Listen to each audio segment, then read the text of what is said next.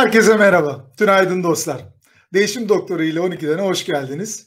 Ee, bugün e, günün konuğu e, LinkedIn'de ve pek çok aslında sosyal medya kanalında da yakinen ilgiyle takip ettiğinizi bildiğim e, sevgili Hülya Mutlu. Aslında tabii kendinin kendisinin ünvanlarını saymakla da bitmiyor. Altını uzun yıllarca biriktirdiği deneyimleriyle birlikte beslediği eğitimci, danışman, koç, e, mentor, e, konuşmacı kimliklerinin yanı sıra bugünkü sohbette de aslında yer vereceğimiz gibi yazar kimliğini de e, eklemiş durumda harika iletişim temalı konulu kitabıyla. Lafı çok uzatmadan bugün müsaadenizle sevgili Hülya Mutlu'yu stüdyoya davet etmek istiyorum. Hülya'cığım evet. hoş geldin. Hoş bulduk. Tam 12'de beraberiz. Harika. Başlangıç müziğini e, seviyor musun? Arka planda sen çünkü müzik başlarken böyle hafif hafif kıpırdanmaya evet, başladın öyle. dikkat ettiğim aynen. kadarıyla. Ben çok seviyorum dans etmeyi. O yüzden çok keyifli geldi müzik. Eline sağlık. Çok teşekkür ederim. Ayağına sağlık öncelikle. Çok teşekkür ediyorum. Değişim Doktoru ile 12'den de bizlerle birlikte olduğun için. E, LinkedIn dostlarımızla aynı şekilde YouTube, Twitter, eş zamanlı bütün sosyal medya platformlarımızda da e, canlı yayındayız. Bugün aslında seninle birlikte pandemi döneminde çoğu zaman göz ardı ettiğimizi düşündüğüm e, insan ve iletişim e, konusu üzerinde e, durmak istiyorum. Tabii bunlar çok ciddi konular. E, diğer taraftan biz bilmiyorum milletçe bu e, ciddi meseleleri fazla mı ciddiye alıyoruz ya da gereğinden fazla kaşları çatık mı milletiz e, bilemiyorum ama e, mizahı aslında altyapısında müthiş mizahi zenginlik olan bir kültür bir toplum olmamıza rağmen özellikle son dönemde e, yerinde ve zamanında kullanamaz bir duruma geldik. Şimdi insanlar tabii e, şunu düşünüyor olabilirler e, konu nereden mizaha geldi diye. E, ben senin e, LinkedIn'de çok önemli bir koridoru açtığını düşünüyorum. Yani ciddi ciddi ağır abilerin olduğu bir platformda ortamı fazla kaslı böyle sakala bıyığa boyadığımız bir ortamda e, çok önemli bir nefes aldırdığını düşünüyorum LinkedIn'e e, özellikle mizahı son derece ciddi ve kim zaman karamsar bulduğumuz e, konularda bile. O yüzden senin bu mizahi e, kimliğini de e, bugünkü sohbetimize katmak suretiyle insanı konuşacağız. Öncelikle hoş geldin. Nasılsın, iyi misin? Hoş Keyifler bulduk. yerinde mi en genel anlamda? Ee, hoş bulduk. Çok teşekkür ederim. Ee, iyiyim. Gayet de iyi olmaya çalışıyorum. Aslında şeyin bu Ahmet Ümit'in bir sözü var diyor ya e, insan her şeye alışır e, deniliyor. Aslında her şeye alışmıyor. Bazı şeylere katlanıyoruz ve alıştığımızı zannediyoruz. Bu pandemi sürecinin bende yarattığı duygu bu. E, böyle biraz kendimizi zorlayarak evet geçecek, gidecek, her şey yeniden eskisi gibi olacak diyerek e, halimizi korumaya çalışıyoruz diyeyim e, Serhat'cığım. Çok çok haklısın. Aslına bakarsan bu e, bizim e, sohbetin de mottosu e, evirip çevirmeden 12'den olabildiği kadar nokta atışı yorumlar yapmaya çalışıyoruz ki senin gerek tiplemelerinle gerek o karakterindeki naif ve nezaket değerlerini asla elden bırakmadan nokta atışı saptamalarına da bugünkü sohbette çok keyifle takip edip faydalanacağımızı düşünerek sormak istiyorum. Şimdi çok sayıda e, şirkete, profesyonele, girişimciye temas ediyorsun. Eğitim seanslarında, koçluk, mentorluk evet. e, seanslarında. İçinden geçtiğimiz bu ekonomi süreci, sağlık süreci e, sanki hepimizin ruh halini e, sarstı ve olumsuz anlamda da etkiledi. Ekonomik etkilerinin yanı sıra. Sen insanlar üzerindeki ruh halini nasıl gözlemliyorsun e, bu süreçte? Ne durumdayız biz şöyle bir baktığında? Evet, e, ben baktığımda şunu görüyorum. E, hepimizin aslında işte az evvel söylediğim gibi iyi hissetmeye çalışsak da bir şekilde ruhumuzda derin yaralar açıldı. E, psikolojideki önemli bir kurama, transaksiyonel analiz e, kuramının e, ortaya atan kişisi olarak Eric Berne e, insanın temel ihtiyaçlarına vurgu yaparken şeyden bahsediyor. Diyor ki insan e, temas almak ister. Temas açlığı diye tanımlıyor bunu uyaran almak ister, uyaran açlığı ve insanın üçüncü açlığı ise yapılandırılma açlığı diyor ve bunu da işte o yaşamda yaşamı anlamlandırdığımız bir yere yürümekle ilgili koyduğumuz hayaller, vizyon vesaire bu, bu üçünün e, insanın varoluşsal olarak çok temel ihtiyaçları olduğunun defalarca altını çiziyor. Ve bu süreç çok başladığında bendeki tam şey şu oldu. Evet dedim bunların hepsinden mahrum kaldık. Temas sınırlı alabiliyoruz. Uyaran çok sınırlı alabiliyoruz. Yani maruz kaldığımız uyaranların büyük bir kısmı e, ya konvansiyonel medyadan ya sosyal medyadan. E, son zamanlarda tabii ki gevşemeyle beraber e, hayata karışmakla beraber farklı uyaranlar alıyoruz ama yine de uyaranların büyük bir kısmı da çok negatif uyaranlar, geleceğe dair umut içermeyen ve en önemlisi de hepimizin hayalleri vardı. İşte bir yıllık, üç yıllık, beş yıllık, on yıllık şuraya geleyim, şunu yapayım, şunu alayım, e, bir yurt dışına gideyim, bir master yapayım, sonra direktör olayım, kendi işimi kurayım falan. Bir anda öyle bir şey oldu ki bu yapılandırma açlığımız hele tamamen alt üst oldu. Çünkü öngörülebilir bir şey yok. Yani bizim geçmişte yaşadığımız krizlerin çok önemli bir kısmı neredeyse tamamı ekonomik krizlerdi. E şu an çok bambaşka doğru. bir örüntü. Yani bir sağlık krizi, bir ekonomik krizi beraber e, yaşanıyor ve hani bir e, ekonomik krizde öngörülebilir bir takım doğru politikalarla bir süre sonra her şeyin iyi olacağına dair umudumuzu koruma ihtimalimiz daha yüksekte oluyordu. Şu anda biraz daha farklı ve bunun da e, insana yansıması hakikaten yaralı bir ruh, kolektif e, travma ve e, kaderimizin üstündeki kontrolümüzün kaybolduğu hissiyatı. Bu da insanı çok bocalattırıyor diye düşünüyorum. Yani benim penceremden böyle görünüyor Serhat. E, aslında bu son söylediğin e, hakikaten çok güçlü e, bir mesaj e, olarak geldi benim de kulağıma. İnsanın kaderinin üzerindeki kontrolünü kaybetmeye başladığı hissi e, hani bizim ülkede tabii dini desenleri de dikkate aldığımızda hani kaderciliğe çok uzak bir e, kültürel köklerimiz yok e, baktığımızda. Evet. Diğer yandan biliyoruz ki gündelik hayatımızda biz elimiz işin üstünde olsunu çok seven bir milletiz. Yani kontrolü, ipin ucunun kendi elimizde olmasını seven bir milletiz. E, fakat ipin ucu sanki bizim elimizden yavaş yavaş kaymaya başladı ve kontrolü kaybetmeye başladık gibi oluyor ki sen de çok iyi bilirsin aslında bu değişim yönetimi dinamiklerinde de kaygının üst seviyeye çıkmasıyla ilgili bu anxiety dediğimiz o konunun e, başlangıç noktası tetikleyici etkisi de aslında kontrolü kaybediyorum e, ışığı kaybediyorum. Ortam karanlık ve belirsizliğe dönüyor duygusudur. O yüzden çok hakikaten benim açımdan da e, aydınlatıcı bir cümle oldu bu son söylediğim. E, bizi aslında e, çok sayıda e, dostumuz takip ediyor, dinliyor. Onlara şunu da e, büyük bir keyifle ve memnuniyetle ifade etmek istiyorum ki bugün aktif katılımla soru veyahut da e, yorumlarıyla özellikle bu iki tane çok özel konuğum e, olacak bugün. Bunlardan birisi Türkiye'nin e, ünlü e, sanayicilerinden e, Mahir e, Malıçok. E, ikinci e, konuğum da özellikle LinkedIn'deki e, yorumların altına yazdığı e, plaza dilini etkin kullanan e, Mert Açıkgöz influencer e, arkadaşımız. E, onlarla ilgili de olabilir. Bizlerle de ilgili soru ve yorumlarınız olabilir. Bu aktif katılımları e, yapan dostların ikisine e, sevgili Hülya'nın yazdığı harika e, tam üstüne bastın e, iş e, e, hayatında iletişim, iş dünyasında iletişim e, kitabını hediye edeceğiz. Evet. evet. Ve e, Hülya'dan imzalı. Evet, evet. Hülya'dan imzalı gelecek e, bu e, iki tane e, kişiye e, kitap. E, bunu söyledikten sonra aslında e, burada bir taraftan da e, e, pek çokları tanımlayabilir ama çok ünlü bir profil e, Mahir Malıçok. E, ünlü sanayicilerimizden öyle söyleyelim. E, şimdi evet, e, sana topu atmadan göz, gözlük de kullanıyor değil mi? Şimdi topu sana evet. biraz e, atmadan evvel e, dün bilemiyorum takip edebilme şansın e, oldu mu? E, sevgili Volkan hocamızla Galatasaray Üniversitesi İktisadi İdari Bilimler Fakültesi Dekanı Volkan Demir e, hocamızla birlikteyken e, bu kobiler üzerine ve iş dünyasının bağışıklık sistemi üzerine e, konuştuk.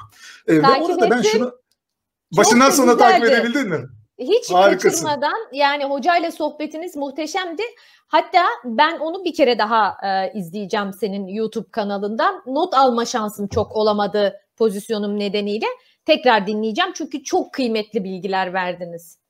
Harikasın. Çok teşekkür ederiz. Özellikle tabii Volkan Hocam yıllarca hem akademik tarafta hem iş hayatında çok aktif bir e, akademisyen ve iş insanı olduğu için bir tarafıyla da e, müthiş e, besleyici bir sohbet oldu. Çok da eski bir dostum olduğu için de hani gıyabında şimdi Volkan dersen ne oldu adamın arkasından Volkan diyorsun falan diyebilirler. Sohbeti izleyenlere küçük bir e, e, gönderme hatırlatma olsun. Yaklaşık 25-30 yıllık arkadaşım. Asistanlık günlerimizden e, o da arkadaşım diyeyim Volkan. Halı saha arkadaşım. O yüzden de yayında da hiç birbirimize hocam diye ifade etmedik. Şimdi biz orada e, ben sorunca sevgili Volkan hocama bu bağışıklık sistemini güçlendirme konusunda geç mi kaldık? Neler yapabiliriz diye diye o da işin teorik boyutunda, pratik tarafında da neler olması gerektiğini tane tane e, yani yoldan geçen herhangi bir vatandaşın anlayabileceği sadelikte anlattı. Da e, Hülya'cığım işin aslı nasıl? Yani eğer müsaade edersen mesela ben e, Mahir e, Malıçok'la e, ve çok da meşhur biliyorsun global danışmanlık şirketleri var ya onların evet. yıllarca İngiltere'de Amerika'da da çalışmış Türkiye'de gibi proje içinde İstanbul'a gelip ilk uçakla da e, Mahir Malıçok'un memleketine gelmiş. Şimdi o memleketi de kodlamayalım burada. E, bir evet, danışman evet. olayım istersen. E, nasıl tamam. olur? E, bir, ben Mahir Malıçok'a birazcık bu KOBİ ile ilgili olarak e, senin için de uygun olursa e, topa atmak istiyorum. Evet, e, Mahir Bey merhaba. E, davet ettiğiniz için çok teşekkür ederiz. E, özellikle bizi tercih ettiğiniz için de çok teşekkür ediyoruz. E, istedik ki bugün sizinle bir e, kick-off meeting yapalım. Sizin için de uygunsa. Hocam ne gerekiyorsa yapalım. Yani biz kurumsallaşmayı gerçekten çok istiyoruz. Artık markalaşmanın zamanı yani. Kobiler için de bu önemli bir gereksinim artık. Biz bunu biliyoruz. Tabii kurumsallaşma kolay bir iş e, değil e, Mahir Beyciğim. Bu sizin için çok önemli bir challenge olacak. Yok bak çalıntı olmasın. Gerçek olsun hocam. E, hocam bak alınma ben sana bir şey söyleyeceğim. Bizim bu organize sanayide kim danışmanlık alıyorsa ne diyorlar biliyor musun? Danışman giren firma batıyor diyorlar. Ona ne diyeceksin hocam? Tabii önce hangi danışmanla çalıştığınız e, çok önemli Mahir Beyciğim. E, e, diğer taraftan da acaba o arkadaşlarımız ya da şirketler hep böyle last minute dediğimiz son dakikada yoğun bakımdayken bizleri davet ediyor olduğu için olabilir mi acaba bu? Hocam peki sizin taraftan ben yorumlayayım. Siz de hamama giriyorsunuz, kurnayı beğenmiyorsunuz, düğüne gidiyorsunuz, zurnayı beğenmiyorsunuz. Bize de Apple muamelesi yapıyorsunuz ya öyle önerilerle geliyorsunuz ki akıl fikir almıyor yani. Ondan olabilir mi? Şimdi tabii buranın Silikon Vadisi olmadığının farkındayım. Bir organize sanayi bölgesinin içindeyiz. Ee, diğer taraftan tabii Silikon Vadisi'nde, Palo Alto'da bizim IoT dediğimiz, AR, VR dediğimiz teknolojilerin burada e, kesinlikle tamamlanmış olmasını beklemiyoruz e, muhakkak. Diğer taraftan da bizim vision dediğimiz, vizyon olarak çevirebileceğimiz e, tarafında ne olduğu tabii çok önemli Mahir Bey. Siz tam olarak kendinizi neye hazırlamış durumdasınız? Sizin vizyonunuz ne tam olarak? Hocam e, vizyon önemli. Şimdi bak ben lafı uzatmayayım. Hocam sen bizi kurumsallaştır. Ama bir iki şeye ilişme. Bak ben bunları söyleyeyim. Bir e, benim bizim üretimin başında benim kayınço var. Kayınço orayı Ben de notlarımı kendi... tutuyorum. Ben de notlarımı Ama, tutuyorum. Nelere ha, ilişmemem yaz, gerektiği konusunda Mahir. E, kayınço çocuk iyi bir çocuk. E, orayı güzel yönetiyor. Biraz Kayınço derken Mahir Bey, kayınço derken yengenin küçük kardeşi benim hanımın. Yengenizin. Ee, evet. Yo yo sizin yengenizin yani benim hanımın. Pardon. Kayınçom, kayınpirader oluyor. Hocam yurt dışında kala kala biraz e, geleneğe uzaklaşmışsınız. Yılların getirdiği bir alışkanlık. Çok affedersiniz. Kesinlikle ee, öyle oluyor. Önemli değil. Hocam bu çocuk biraz saftır. Hatta ilk evlendiğimizde hanım dedi ki e, işte şey yap adres belli olsun gelsin senin oraya gitsin dedi. Ben dedim ki e, kayınçoya e, oğlum dedim bak bizim aile şirketimiz var gel çalış dedim. Dedi ki aileyi siz mi üretiyorsunuz abi? O kadar saf yani bu çocuktan bir zarar gelir mi? Bir ara gene kurumsallaşacak. Ha, bir ara gene kurumsallaşacaktık. Baktım olmuyor. Yengene dedim ben bunu dedim vallahi dedim çıkarmak zorundayım. Bu da demez mi? O zaman ben de seni boşamak zorundayım. Ondan sonra dedim tamam bu çocuk burada kalsın. Hocam ona ilişme. Ondan sonra satın almada benim teyzem oğlu var. Tanışırsın zaten Feramız. Öyle e, hocam. Satın almadım. Ha, ya karşılaştırma tablosu yok tedarik zinciri öyle laflar bilmez. Bak ben 4 sene önce bir insan kaynakları danışmanlığı aldım. Yetkinlik analizi çıkaran bir danışman geldi. Danışman buna sormuş hangi programları biliyorsun diye. İşte bu bunun cevabı şu işte Survivor'ı biliyorum. İşte e, Masterchef'i biliyorum. Yani çocuk öyle ama milyonu koy önüne hocam çalmaz. Satın almaya bana başkasını söyleme. Satın almada hocam o duracak. Son bir Ferhamız şey daha. Bey. Ferhamız, Ferhamız Bey çalmıyor çünkü. Yok o hiç güvenilir yani hocam. Ee, hiç orada profesyonelden bahsetme bana. Ee, dış ticaretin başında da hocam benim baba tarafından kuzenim var Murtaza. Onunla da tanışırsın. Ee, hatta söyleyeyim çağırsınlar gelsin. Murtaza da çok iyi. Dış ticareti güzel yapıyor. Tek bir kusuru var. Yabancı dil bilmiyor. Aslında yatkındı da çocuk biliyor musun Murtaza? Kuş dili böyle aganiki saganiki küçükken çok güzel konuşurdu. Sonra onu da e, üstüne düşmedi. Hocam son dört isteğim var. Bir, benim oğlan bu işi devam ettirmek istemiyor. Dijital marketing yapacakmış. Onu ikna et. Bizim bu e, fabrikanın başına gelsin. Ondan sonra daha küçük oğlanı, 25 oğlanı. yaş. Ha, ha, 25 yaşında ama olsun. Ben e, onun yönetim kurulu başkan yardımcısı yapmak istiyorum. İkincisi hocam bazı danışmanlar gelip şey diyorlar mesela şirketten para çekmeyin bilmem ne ufak harcamalar oluyor. Kapıda görmüşsündür bende üç tane paramera var. Mesela bir tane daha alacağım önümüzdeki ay e, bizim küçük oğlana buna değil de. Gördüm. Ha, evet. Kıza bir Londra'da bir artı bir düşünüyorum. Ee, öbürlerine de aldım çünkü kıskanıyorlar. Son bir şey hocam yok işte şeffaflık bilmem ne falan deyip bizim yatak odamızı şirketimizi yani millete ilan etme. Ama sen bizi kurumsallaştır. Ben seni çok araştırdım. iyi diyorlar yani. Çok teşekkür ederim e, Ma- Mahir Bey. Sevgili evet. Hülya hakikaten harikasın. Yani olabildiği kadar tabii sana ek uydurmaya çalıştım ama çok da güzel yaptın. Için ee... zor tutuyorum kendimi. Hakikaten yani olaylar gerçekler böyle yani evet. diyor çoğu zaman öyle evet. değil mi?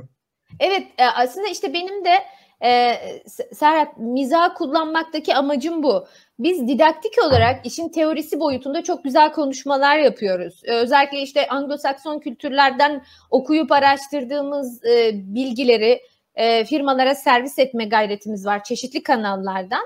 Ama e, hakikate sırtımızı döndüğümüz zaman o gerçekle bilgi arasında oluşan tenakuz insanları ilerlemeye e, dair de inançsızlaştırıyor işte defaatle mesela denemeler yapıyorlar, çeşitli danışmanlarla çalışıyorlar, zaman para kaynak e, harcıyorlar ve biz seninle yaptığımız bu çalışmada aslında işin iki boyutunu da göstermek istedik. Yani iki taraf da hakikatten biraz uzak konuyu ele alıyor.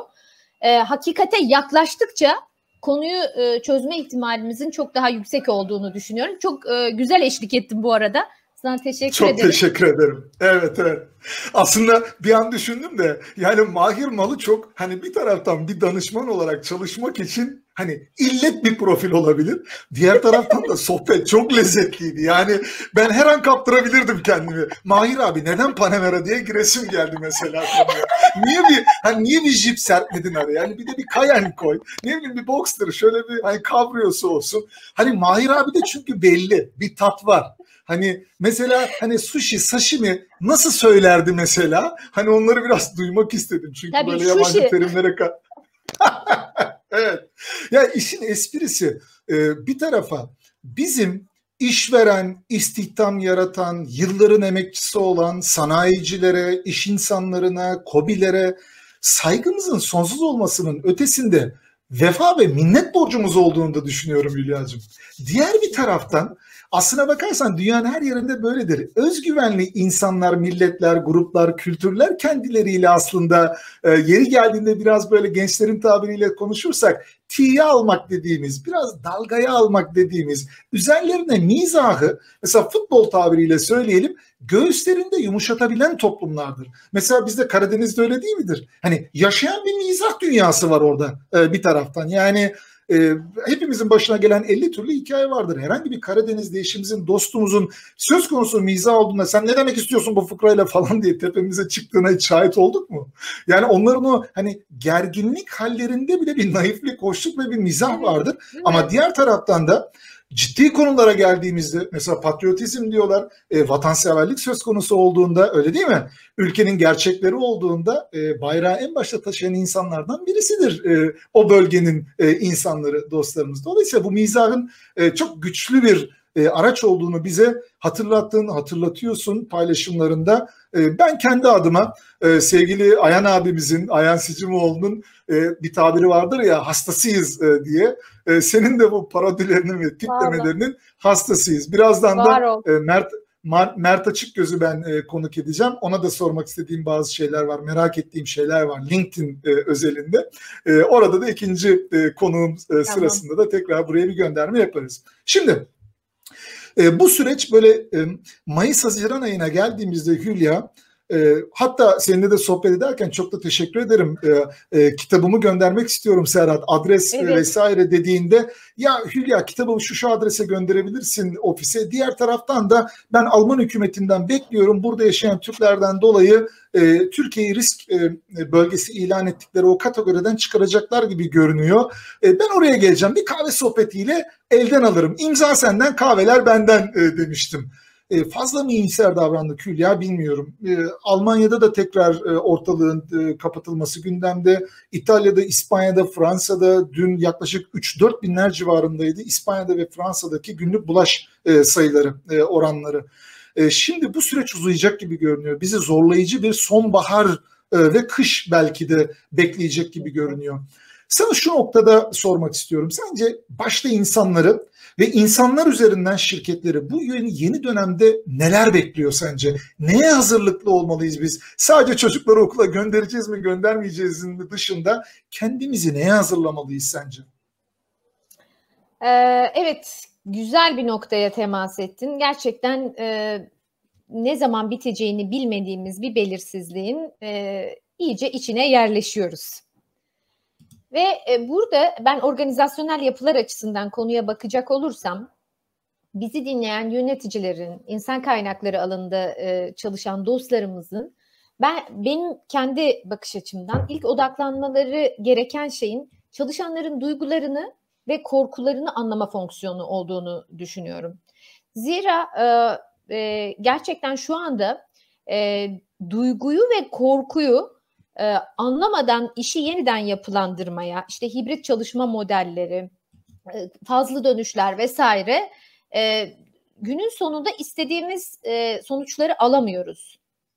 Şimdi bir kere şunu yapmalarını tavsiye ediyorum. İnsanların iş yerine dönme e, isteklerini bir ölçsünler. Bu çünkü çok önemli bir veri. Dün siz de hocayla konuşurken sık sık verinin ne kadar önemli olduğundan bahsettiniz. E, kök nedene inmeden bir takım e, aksiyonlar alıyor firmalarımız ve sonra e, diyorlar ki ya bir sürü şey yaptık ona rağmen insanların bu isteksizliği, e, eski enerjilerinin olmaması, bu performans kaybı anlaşılır gibi değil. Niye işlerine dört elle sarılmıyorlar? Bu kadar işsizlik var. Ama insan böyle insanın içeride çalışan dinamikleri böyle değil. Yani bizim şuna ihtiyacımız var. Duygusal olarak yeniden bağlantıya geçmeye ihtiyacımız var. Dolayısıyla da burada insanın duygularına hakikaten çok ama çok e, ciddi şekilde odaklanmak ve bu da bireyden bireye de çok değişkenlik gösterebiliyor. Böyle durumlarda insanlar e, belirsizlik arttıkça bilgi alma ihtiyaçları çok e, fazlalaşır. E, ve benim organizasyonel yapılarda e, bu dönemde en fazla tavsiye ettiğim şey şu oldu. İnsanların bilgi alma ihtiyacını giderdiğiniz takdirde paranoid hezeyanlara kapılmaları, e, korkuya kapılmaları ihtimalini epeyce bir yönetmiş olursunuz. Bilgi çok değerli bir şeydir. Özellikle kolektif travmalarda belirli sıklıkta sistematik, yürek ferahlatan bilgiler vermek çok etkili. Ha, bu taraftan şey diyebiliyor insanlar, biz de bir şey bilmiyoruz ki. Ben de o zaman diyorum ki bir şey bilmediğinizi söylemek dahi hiç iletişim kurmamaktan çok daha değerli. Profesör Doktor Agi Haydın'ın bir konuşmasından şu sözünü aldım çok hoşuma gitti. Hoca diyor ki kolektif travmalarda sırtımızı aynı güven duvarına yaslamamız ve yüzümüzde hakikate dönmemiz gerekiyor. Çünkü yüzümüzü eğer hakikate dönmezsek beraber mücadele etme ihtimalimiz zayıflayacaktır. Bunun için de birilerinin ortamdaki belirsizliği gideren bilgileri vermeleri ve belki biraz o koruyucu ebeveyn egosuyla yaklaşarak normalde yetişkin egonun iş hayatında çok daha işlevsel olduğu tartışma götürmez. Ama böyle zamanlarda içimizdeki gerilemiş çocuk hortladığı için belki yönetenlerin biraz daha koruyucu ebeveyn, ebeveyn egoyla o duyguyu anlama, kalbe dokunma, yeniden bağlantıya geçme kısımlarında e, kısımlarına bir miktar kafa yormaları gerektiğini düşünüyorum Serhat. Aslında bu bilgiye yaptığın e, gönderme e, çok kritik e, Hülya. Özellikle dedin ya bu kolektif travmalarda ki içinden geçtiğimiz dönem böyle bir dönem ve sadece Türkiye olarak da değil, bölge de değil, global ölçekte baktığında bir kolektif travmanın içindeyiz. Şöyle de bir taraf var, senin gözlemin nasıl bilmiyorum ama bilgi bu endüstriyelleşmeden bu yana yani 18. 19. yüzyılın başlarından itibaren kim sahipse ne kadar daha fazlasına sahipse ve ne kadar daha öncesinde sahipse eşittir zenginlik oldu. Yani benim elimdeki bilgi Hülya'dan fazla mı? Benim e, elimdeki bilgi Hülya'dan daha önce mi bana ulaştı? Ve bu bilginin ne kadarını paylaşmalıyım, ne kadarını paylaşmamalıyım? Ve dedik ki bilgi güçtür. Şimdi bilgi güçtür deyince tabii eskiden gelen bir takım alışkanlıklarla bu bilgiyi paylaşma konusunda da böyle bir cimrilik var. Ve buna da diyoruz ki üst yönetim, gizlilik, stratejik bilgi falan böyle kendi kafamıza göre de bir sınıflandırma alışkanlığımız var işin doğrusunu istersen. Sonra da diyoruz ki ya şirkette böyle bir vaka yaşanıyor.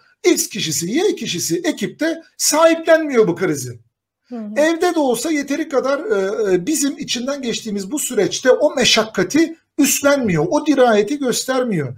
Yahu arkadaş sen paylaşman gereken bilgiyi paylaşıyor musun? Belki de önümüzdeki iki ay içinde, üç ay içinde tasarruf tedbirleri, maliyet kesintileriyle ilgili olarak o kişinin kendi fonksiyonuyla ilgili bile çok ciddi istihdam sayısında azaltmaya gidebileceğine dair mesela globalden gelen ihtimaller olduğunu söylüyor musun? Hep son dakika. Ama sen bu insanlara posta güvercinin muamelesi yaparsan son dakikada onlar da bunu sahiplenmekte güçlük çekiyorlar. Bu noktadan hareketle mesela bu belirsizlik ortamı dediğin, kolektif travma e, ortamı dediğin, bilgiye vurgu yaptın. Bunun gibi insanı odağında tutan ne tür stratejik hamleler almaları lazım şirketlerin? Yani şirketi satsak mı, ortak mı alsak, satın alma mı yapsak, küçültsek mi dükkanı, büyütsek mi dükkanı, globale mi açılsak ya da Afrika pazarından çıksak mıların dışında Odağında insan insan olan ne, neler yapabilirler sence Hülya? Ee, Serhat e, geçen gün e, Kapital Dergisi'nde e, TÜPRAŞ'ın genel müdürünün bir röportajını okudum. Bu şeyi değerlendiriyor işte pandemi dönemini, sektördeki etkilenmeleri vesaire anlatıyor. Orada 2008 krizine dair bir anısını paylaşmıştı ve ben çok etkilendim. O yüzden burada da bizi dinleyen yöneticilere de aktarmanın onlara da ilham verebileceği düşüncesindeyim. 2008 krizi ortalık yine çok kötü diyor. Tabii bu kadar olmamakla beraber verilerimiz e, beklenenin çok altında. Sıkıntı büyük ve biz yönetim kuruluna bir e, sunum yapıyoruz. İşte Rahmi Bey de orada. E, sunumumuzu bitirdik. E, rakamların vehametini herkes dinledi. E, Rahmi Bey sözü aldı e, ve döndü bize dedi ki e, diyor e, arkadaşlar ne olursa olsun sizden tek bir şey istiyorum bu vatanı, bu vatanın insanlarını akaryakıtsız bırakmayacağız. Bu bizim en önemli vaadimiz olacak. Bunun için çok çalışın. Ve ben bunu okuduğumda Müthiş. o kadar etkilendim ki ya dedim burada para yok, istihdam yok ve kurumun en tepesindeki ses sana diyor ki unut parayı, zarar edebiliriz senin önüne öyle bir amaç koyuyorum ki yani yürek şenlendirmek diye buna denir ya da işte benim sık kullandığım bir tabir vardır. İnsanların ayaklarını değil yüreklerini işe koşmak durumundayız diye. Ee, Rahmi Bey'in bu yaklaşımı bence çok somut bir örnek. Yani şu anda insanların önüne öyle bir amaç kurmamız gerekiyor ki konuşmamın başında bahsettiğim o insanın yapılandırma ve bir amaca ta, tabi olma e, isteğini yeniden hayata geçirebilelim. Dolayısıyla duyguya temas eden değer vaatlerinin yeniden yapılandırılması ve bunun da bence burası çok önemli birinci ağızdan söylenmesi. Yani Avrupa'da da sen çok doğru. işte Almanya'da Merkel'in konuşmalarını görüyorsun. İşte şeyde İngiltere'de ben belki biliyorsun yılın bir kısmında da orada yaşıyorum aynı zamanda evet. İngiltere'de. Kraliçe evet. 2. Elizabeth senelerdir hiç çıkıp konuşmamıştı e, İngiliz Milletler Topluluğuna. E, ama çıktı ve konuştu. Çünkü o sesi duymaya çok ihtiyaç var. Yani en tepeden bir yerden iletişimin kurulması gerekiyor. Dün hocayla kurumsallaşmayı konuşurken siz kurumsal itibar kısmından bahsettiniz ve hocam çok değerli bir şey söyledi. Kurumsal itibarın böyle dönemlerde özellikle sağlıklı yönetilmesi için işte iletişim fonksiyonu, kurumsal iletişim fonksiyonu çok önemli bir hal alıyor ve sadece çalışanlarımızla değil, değil hem iç hem dış paydaşlarla bu dönemde biz şu iletişimi nasıl yönetelim diye fazlasıyla kafa yormak ve orada da e, samimiyetle bir iletişim kurmak, yüreğe temas eden, duyguya dokunan, kalbe dokunan. Çünkü e, Acar Baltaş Hoca'nın çok vurguladığı bir şey vardır, çok hoşuma gider. Diyor ki bilgi davranışı değiştirmiyor maalesef. E, öyleyse Kesinlikle. Değil mi? Bilgiden bu kadar bahsediyoruz. Bilgi davranışı değiştirmiyorsa bizim bir şekilde şuraya temas etmemiz gerekiyor bugünlerde. Buna çok ihtiyacımız var. Çok doğru, çok haklısın. E, bu söylediklerin Hülya'cığım bana bir iki şeyi e, hatırlattı. Biraz da eskilere gittim. E, önce Acar Hoca'ya gönderme yapınca tabii e, Alan Fine'ın e, dünyanın çok önemli danışmanlarından e, Grow modelinin e, mucidi, senin çok iyi bildiğin koçluk e, disipliniyle hmm. ilgili. Onun bir sözü vardır. Der ki artık dünyadaki problem bilme problemi değil, yapma problemi. Ee, hmm. biz o kadar çok bilme problemine odaklanıyoruz ki o bilgiyi bana ver ben konuyu halledeyim. Fakat o bilgi davranışı değiştirmiyor. Ee, hani sigaranın sağlığa zararlı olduğunu bilmeyen mi var dünyada? Ama birileri sigara içmeye devam ediyor. Ee, ya da diyoruz ki mesela organizasyonlarda çok vardır. Hani bu yağcılık, yancılık, lobi, kulis hani deriz ya bu tip tiplere e, işte yalaka profil falan diye. Sonra hiç kimse yalaka değildir.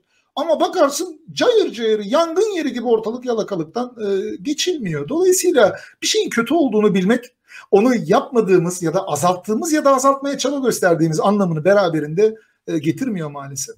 E, bir de bu tabii insana dokunma konusu e, çok hızlı bir hatıra. E, aslına bakarsan çok da e, böyle kapalı devre programların dışında bu konulara girmem ama şirket isimleri vermeden söyleyeceğim. E, tabii profesyonel kimliğim çok uzun yıllar e, çalıştığım e, markam e, ve bizim stratejik olarak mobil operatörlerden birisinin de iş ortağıyız. Yani adresimiz belliydi mobil operatörde hani Panasonic markası hani nereyle çalışır belli 1998'den e, e, o yana e, diyelim. E, adresimiz belli. Türkiye'de de iki tane mobil operatör var. Hatırlar mısın bilmiyorum. Bu Basın Ekspres yolunda bir dere taştı.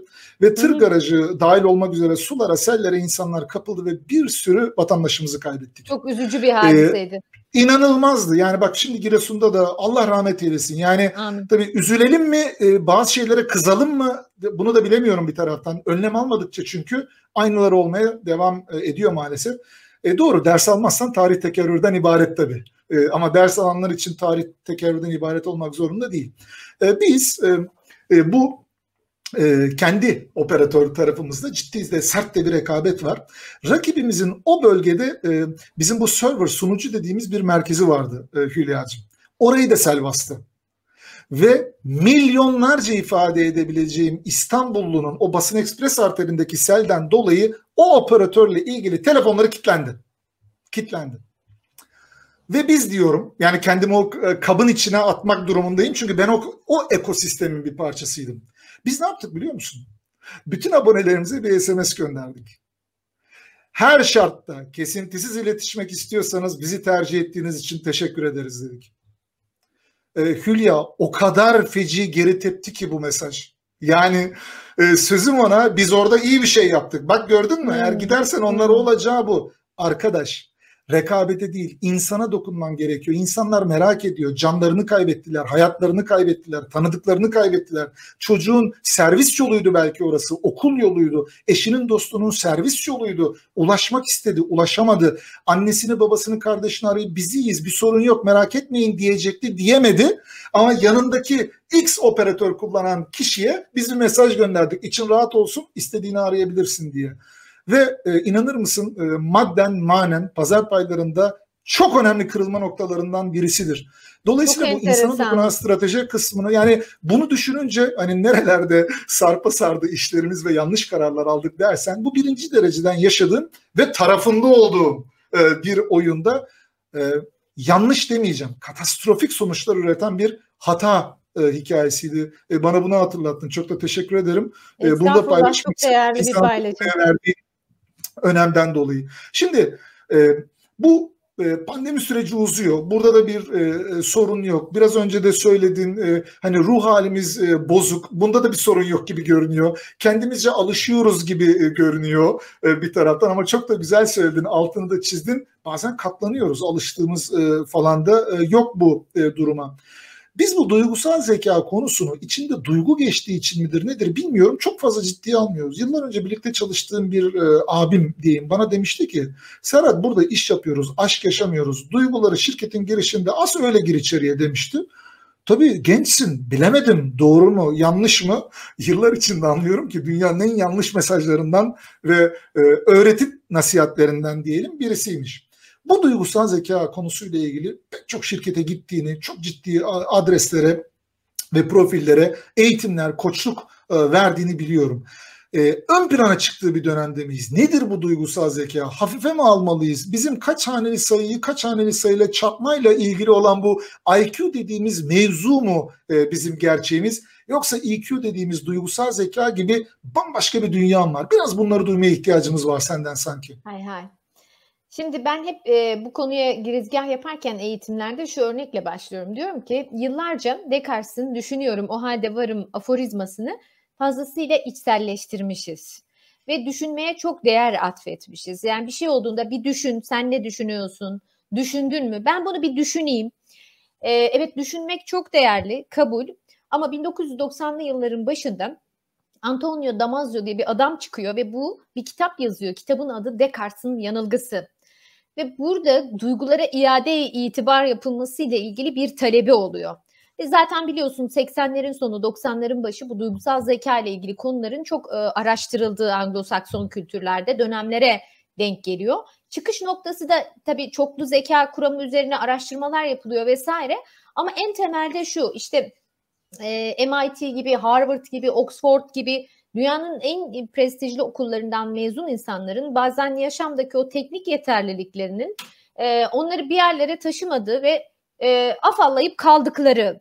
Bazılarının ise te- teknik anlamda bu kadar iyi olmamakla beraber güçlü bağlar kurarak, insan ilişkilerinde çok iyi olarak hızlı mesafe kat ettiklerini ve en önemlisi bence başarıdan ziyade başka bir değer mutlulukla ilgili de çok daha iyi vaziyette olduklarını görüyorlar ve işte literatüre katkı yapan Salovey Mayer gibi pek fazla kişi var ama konu biraz Daniel Goleman'ın e, Duygusal Zeka kitabıyla beraber e, onunla çok e, e, eşleştirildi diyeyim.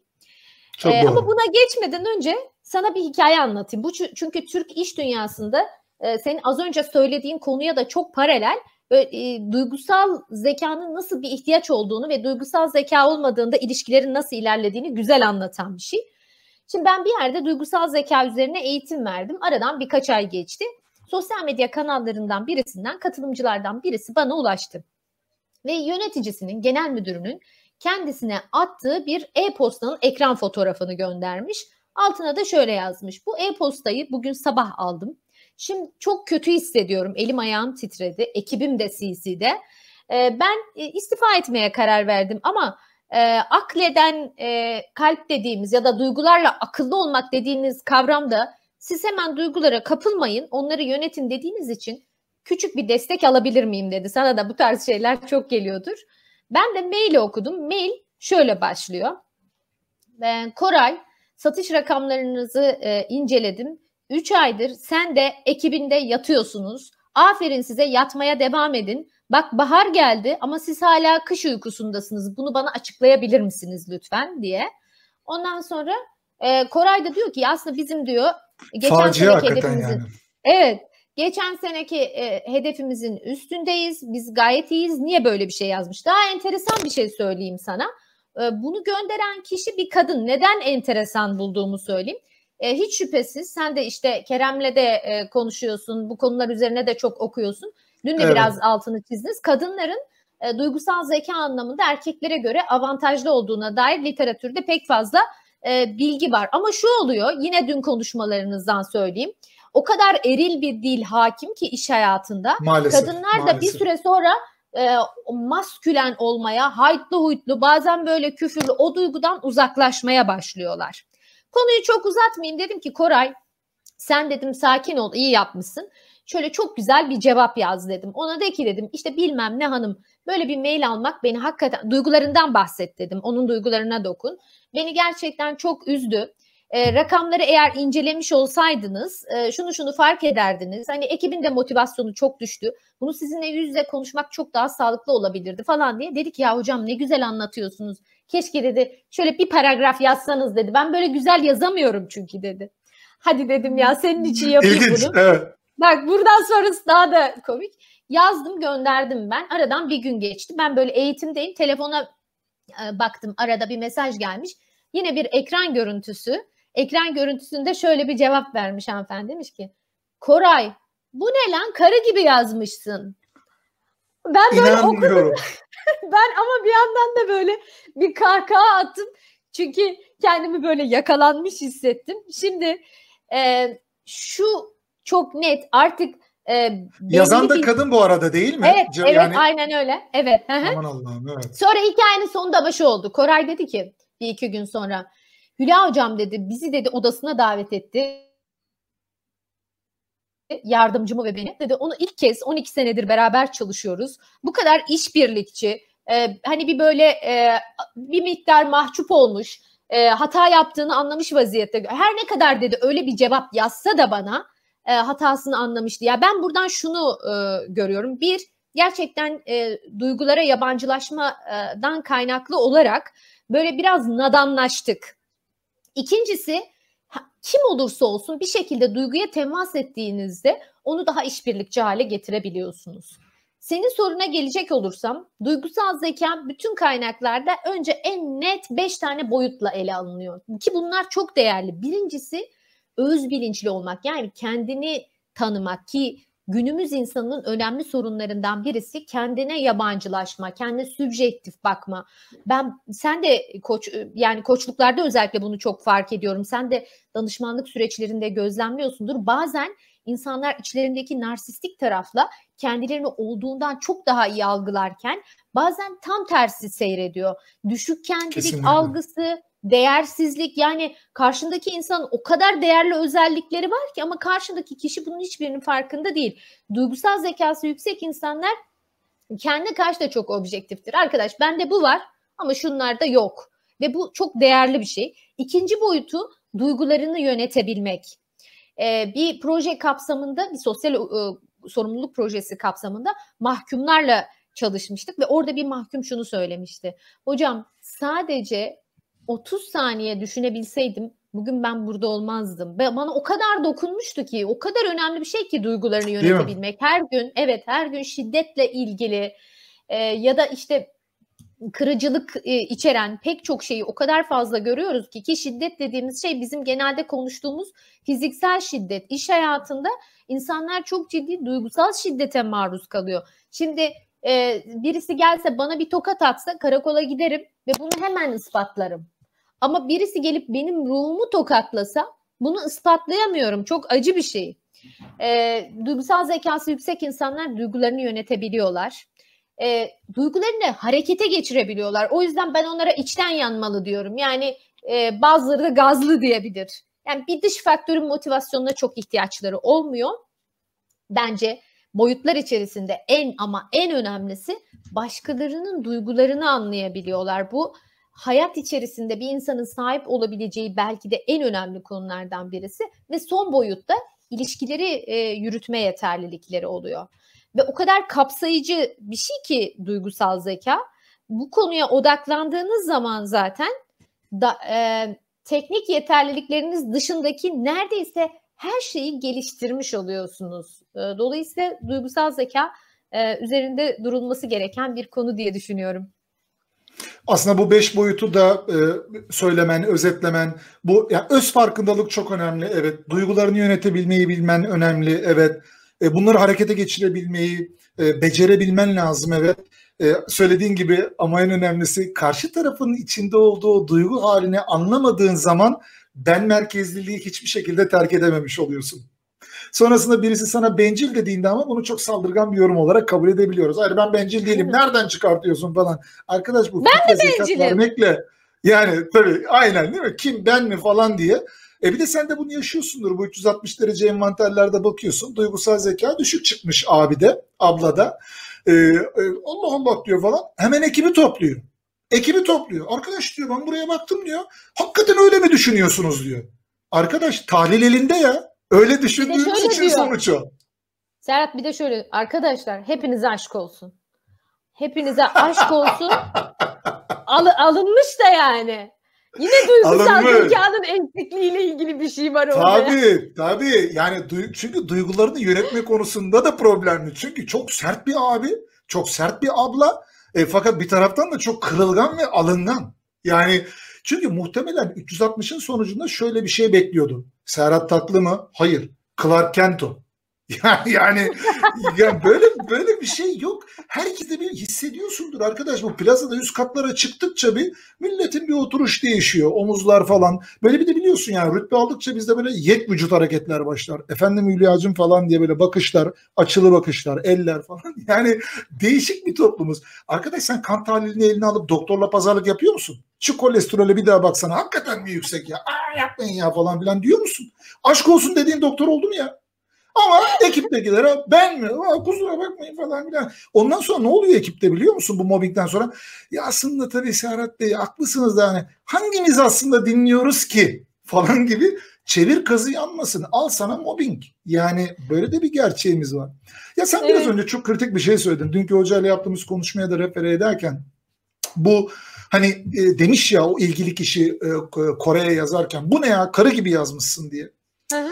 E, benim e, deneyimlediğim bir şey var. Sana bunu sormak istiyorum. İş hayatında çok güçlü kadın profillerle çalıştım. E, özellikle mesela 3-4 kişi ismen, cismen şu an mesela 15-20 yıla yakın öncesinde çalıştıklarım bile sanki hemen yanımda yakınımda e, masamın karşısında oturur gibi inan o kadar böyle hafızamda taze yerleri. Bu insanların ortak bir özelliği vardı. Bir parça özel sohbete girdiğimiz zaman kadın çalışanları tutmuyorlardı. Ee, ve ben hep kendime şunu sorardım ya, ya bir kadın çalışan, güçlü bir kadın profil ama kadın çalışanları tutmuyor. Nedenini evet. sorguladığın zaman da kadınların zayıf olduğunu, kadınların güçlü olması gerektiğini, aslında kibarca bana neden erkek gibi kadın olunması gerektiğini anlatıyorlardı. Garipsiyordum. Görece olarak daha az tecrübemin olduğu profesyonel yıllarımdan görece olarak daha üst pozisyonlarda çalıştığım yıllara kadar.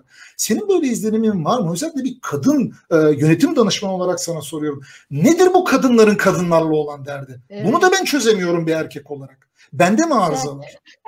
Yok sen de arıza.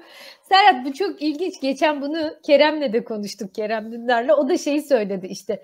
Ya dedi e, sosyal medyadan falan konuşuyoruz. Şimdi bazı insanlarla tanışıyorum dedi. E, çok güzel şeyler anlatıyorlar sosyal medyada işte ya da sahnede. Ama gerçekteki hallerine bakınca ne oluyor ya derin bir şizofreniyle mi karşı karşıyayım diyorum dedi. Şimdi bu konuda biraz böyle e, kadın üzerine yazan, çizen, vurgu yapan çok fazla ama e, sen bir konuya parmak bastın ya bilgiyi gerçeğe dönüştürmek. Zamanın da önemli bir yetkinliği e, böyle terennüm ettiğimiz e, kavramları içselleştirmek ve hayata geçirmek. Bu kadın konusu da böyle. Kadınlar çok işte yönetim kurullarında kadın olsun diyorlar. Kadınlar ilerlesin, kadın kadına destek olsun, kız kardeşlik vurgusu. Ama dediğim e, sahici mi? Hayatta deneyimlediğimiz şeylere baktığımızda çok ilginç şekilde e, kadınların bu temel konuyu aslında yine duygusal zekanın birinci boyutu, öz bilinç, kendinin farkında olma, ikinci boyutu duygularının farkında olma ve en önemlisi de yıllarca bu topluma bir takım kayıtlar yüklenmiş. Bu kayıtların bir kısmının filtreden geçirip işlevsel olmadığını, kadın kadını kıskanır. Nerede yazıyor? Kim söyledi? Bunu bana annem söyledi örneğin. Artık bunu filtreden geçir ve annene ait olan bu varsayımsal şeyi çıkar. Yani bizim e, o mühendislikteki biraz kök neden analizi e, kısmına e, inmemiz gerekiyor ve bu sahicilik içinde öncelikle orayı bir toparlamamız gerekiyor. Yani içeriden içeriden bir e, hem cinsini aslında desteklemeyen, sevmeyen. Ben erkeklerle çok daha kolay çalışıyorum. Benim bütün kankalarım evet, erkek. Çok fix Benim bütün kankalarım erkektir biliyor musun? Ben, ben, ben, hep kankalarım erkeklerden. Çünkü kadınlar kıskanıyor. Ya kadınlar manyak. Kadınlar biraz çatlak. O evlenememiş de o yüzden bilmem ne. Bunların bunları biz zikrettiğimiz sürece yönetim kurullarında var olamayız. Gerçekten. Yani e, kadını indirgeyen kadın anlayışından artık uzaklaşmamız gerekiyor. Ve senin bir erkek olarak da bunu dile getirmen çok değerli. Dün hocayla konuşmanızda da ben hakikaten çok etkilendim. Şöyle bu konular çok konuşuluyor. Böyle acayip de etkilenmiyorum doğruyu söylemek gerekirse. Ama iki erkeğin ve samimiyetle orada konuşuyor olması çok böyle hız, samimiyet değişik bir şey çünkü. Çok hızlı bir geçiş yapıyor. Çok hoşuma gitti. Yani bizim aslında yine Eric Börne'ün güzel bir sözü var. Diyor ki lütfen samimiyetin değerini indirgemeyin. Yani kadın konusunda da bizim samimi olmamız gerekiyor. Kendisiyle Çok haklısın bu konuda. Barış imzalayan samimi... kadının Hı-hı. lütfen. Lütfen, lütfen. Özür dilerim. Kendisiyle e, barış imzalayan bir kadının e, başka bir kadınla da başka bir erkekle de olumsuz manada hiçbir işi olmaz. Zaten duygusal zeka yeterliklerinden birisi de başkasını geliştirmek. Bahçeşehir Üniversitesi'nde Türker Hoca'yı dinlemiştim. Çok güzel bir şey söyledi. Boyatsız matematiği diye bilimde kullanılan bir şeyden bahsetti. Ben ilk kez ondan duydum. Ama şu temelinde sen ilerlemek istiyorsan birilerinin de ilerlemesini sağlaman gerekiyor. Kadın dünyasında da ben ilerlemek istiyorsam diğer kadınların ilerlemesini de canı gönülden desteklemem gerekli. Çok haklısın. Ee, biz e, bu da öz farkındalığa geliyor yine. İnsanın kendisiyle de barışması lazım. Kendisini nasıl etiketlediği konusunda da biraz daha e, net olabilmesi lazım. Güzel. Bu e, hani biraz önce gönderme yaptın ya Mahir Malıçok'la ilgili hani hangi Hı-hı. programları biliyorsun deyince Survivor Masterchef demiş ya o, o hikayedeki gibi. Yani kefeni yırtan kadınlardan biri olduktan sonra az sayıda olan başaranlardan birisi olup diğerlerinin de bu kadar başarılı olmasını istememek hali gibi bir e, negatif e, e, sıfatlandırmaya da kategorilendirmeye de gitmek istemiyorum ama inan anlamlı bir şey de bulamıyorum. Çünkü evet. e, bir insan e mesela diyor ki ben böyle oldum, şöyle oldum. Biraz önce ne kadar güzel söyledim. Benim hiç erkek işte hep erkek arkadaşlar, hiç kadın arkadaşlar. Zannedersin ki onların hepsi kısır gününe gidiyor, altın gününe gidiyor. Yani yani çocuk yapıp da kariyer yapmak durumunda olan sanki hiç insan yok. Zorlanan e, insan yok. E, sanki bu ülkede 9 yaşında erkekler zorla evlendiriliyor. 10 yaşında 11 yaşında zorla baba yaptırılıyor sanki e, baktığında. Şimdi geçmişten günümüze geldiğinde bu kadar ahenksizlik varken e, dün yaptığım bu samimiyet göndermesi için de çok teşekkür ederim ve ederiz e, sevgili Volkan Volkan hocam adına da. Ya şimdi bir eğitim özellikle bir eğitimci televizyonda falan izlediğim zaman tüylerim diken diken oluyor. E, Hülya açıyorsun televizyonu X üniversitesinin rektörü diyor. Y üniversitesinde akademisyen diyor. Ya yüzlerce binlerce gencin geleceğine tesir eden birisi sanki dünyada 8 milyar erkekten ibaretmişiz gibi konuşuyor. Olamaz. Ağaç yaşken eğilir. Sen bu insanlara doğru mesajları vereceksin. Yarın bu insanlar anne olacak, baba olacak, çocuk yetiştirecek. Seni kaybetmişiz. Bırak da yeni nesilleri kaybetmeyelim. Sana bakarak, sana bakarak senin gibi olmaya çalışmasınlar. Bunu öğrenmeleri lazım. Ki bu kuşak geçişleri de söz konusu olduğunda doğru yönlerimize özenelim. Yanlış şeylerimize özenmeyelim. Evet. Annesine şiddet uygulayan babayı rol model almasın artık. E, ya da diğer taraftan bir annenin kızına kızım kocanı e, memnun et, kızını mutlu et diye kendisine annesinin verdiği mesajı vermekten artık bir vazgeçsin. Dolayısıyla yani hep diyoruz ya bir kişiyi eğitiyorsun, e, o kişiyi kurtarıyorsun. Bir anneyi e, eğitiyorsun, bir nesli kurtarıyorsun e, diye. Maalesef bizim de gerçekliğimiz bu. Şimdi bu kuşaklardan bahsetmişken e, biliyorsun uzunca yıllar iş dünyası bu endüstriyelleşmeden sonra e, Hülya'cığım e, üç kuşak çalıştı. Yani bu maturist dediğimiz yıllarca biz genel müdürlerimiz, yönetim kurulları falan da genelde o grupla çalıştık. Sonra bizim biraz daha böyle büyük abilerimizle babamıza yakın kitle bu baby boomer denen 2. Dünya Savaşı sonrasında özellikle hayata e, atılan diyelim. Ondan sonra tam 60 kuşağının böyle ortalarına denk gelen bir grup e, vardı. Bir de benim de içinde bulunduğum 1980'lere kadar doğan bir X kuşağı vardı. Ya Hülya galiba keyfimiz de yerindeydi. Hani baby boomerları idare ediyorduk. Maturistleri zaten 40 yılda bir görüyorduk.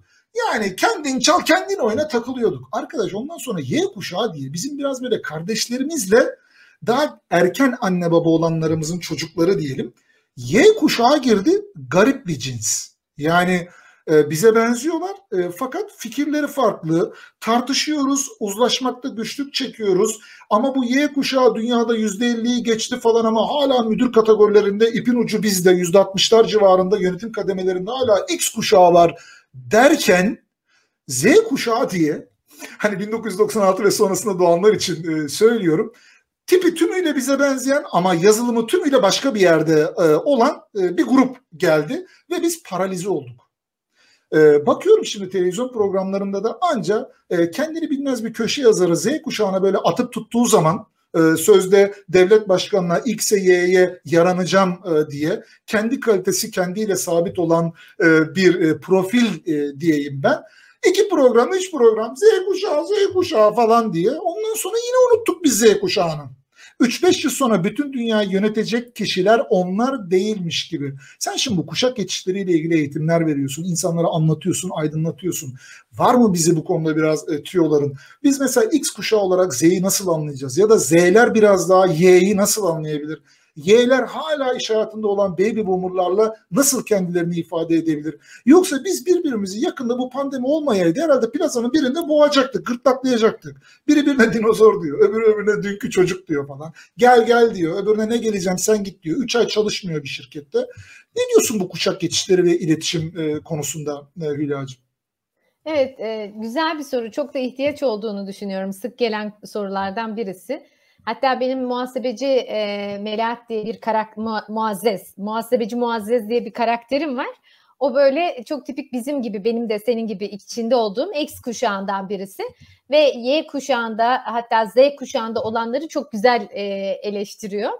Şimdi aslında konu paradigmaların farklı olması ve hiç şüphesiz kuşak araştırmacıları da bize bunu anlattıkları zaman bunun e, bin senelik bir mevzu olduğuna dair pek çok somut şeyi getiriyorlar önümüze ama biz hala e, daha yeni karşımıza çıkmış gibi e, jenerasyonlar arası farklılığı şaşkınlıkla karşılıyoruz ve diğer jenerasyondan olan kişinin paradigması, yaşama bakış tarzı, dolayısıyla da bununla ilintili kullandığı dilin farklı olabileceğini, beklentilerinin farklı olabileceğini anlamakta güçlük çekiyoruz.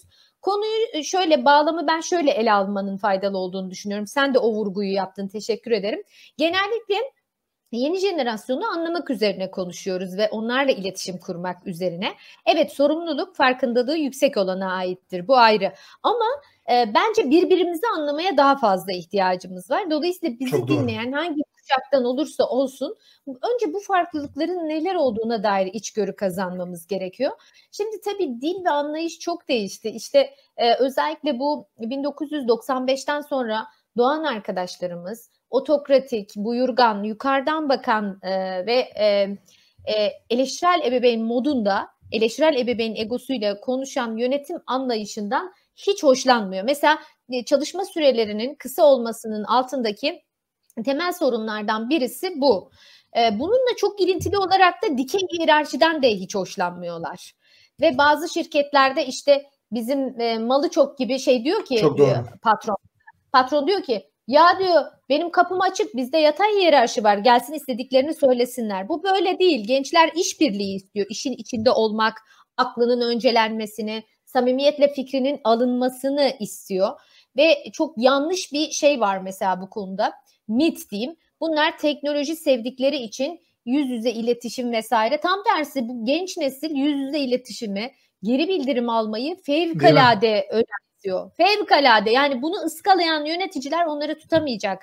Tam tersi gözünün içine bakarak böyle toplantı değil, birebir görüşme. O kadar önemsiyorlar ki.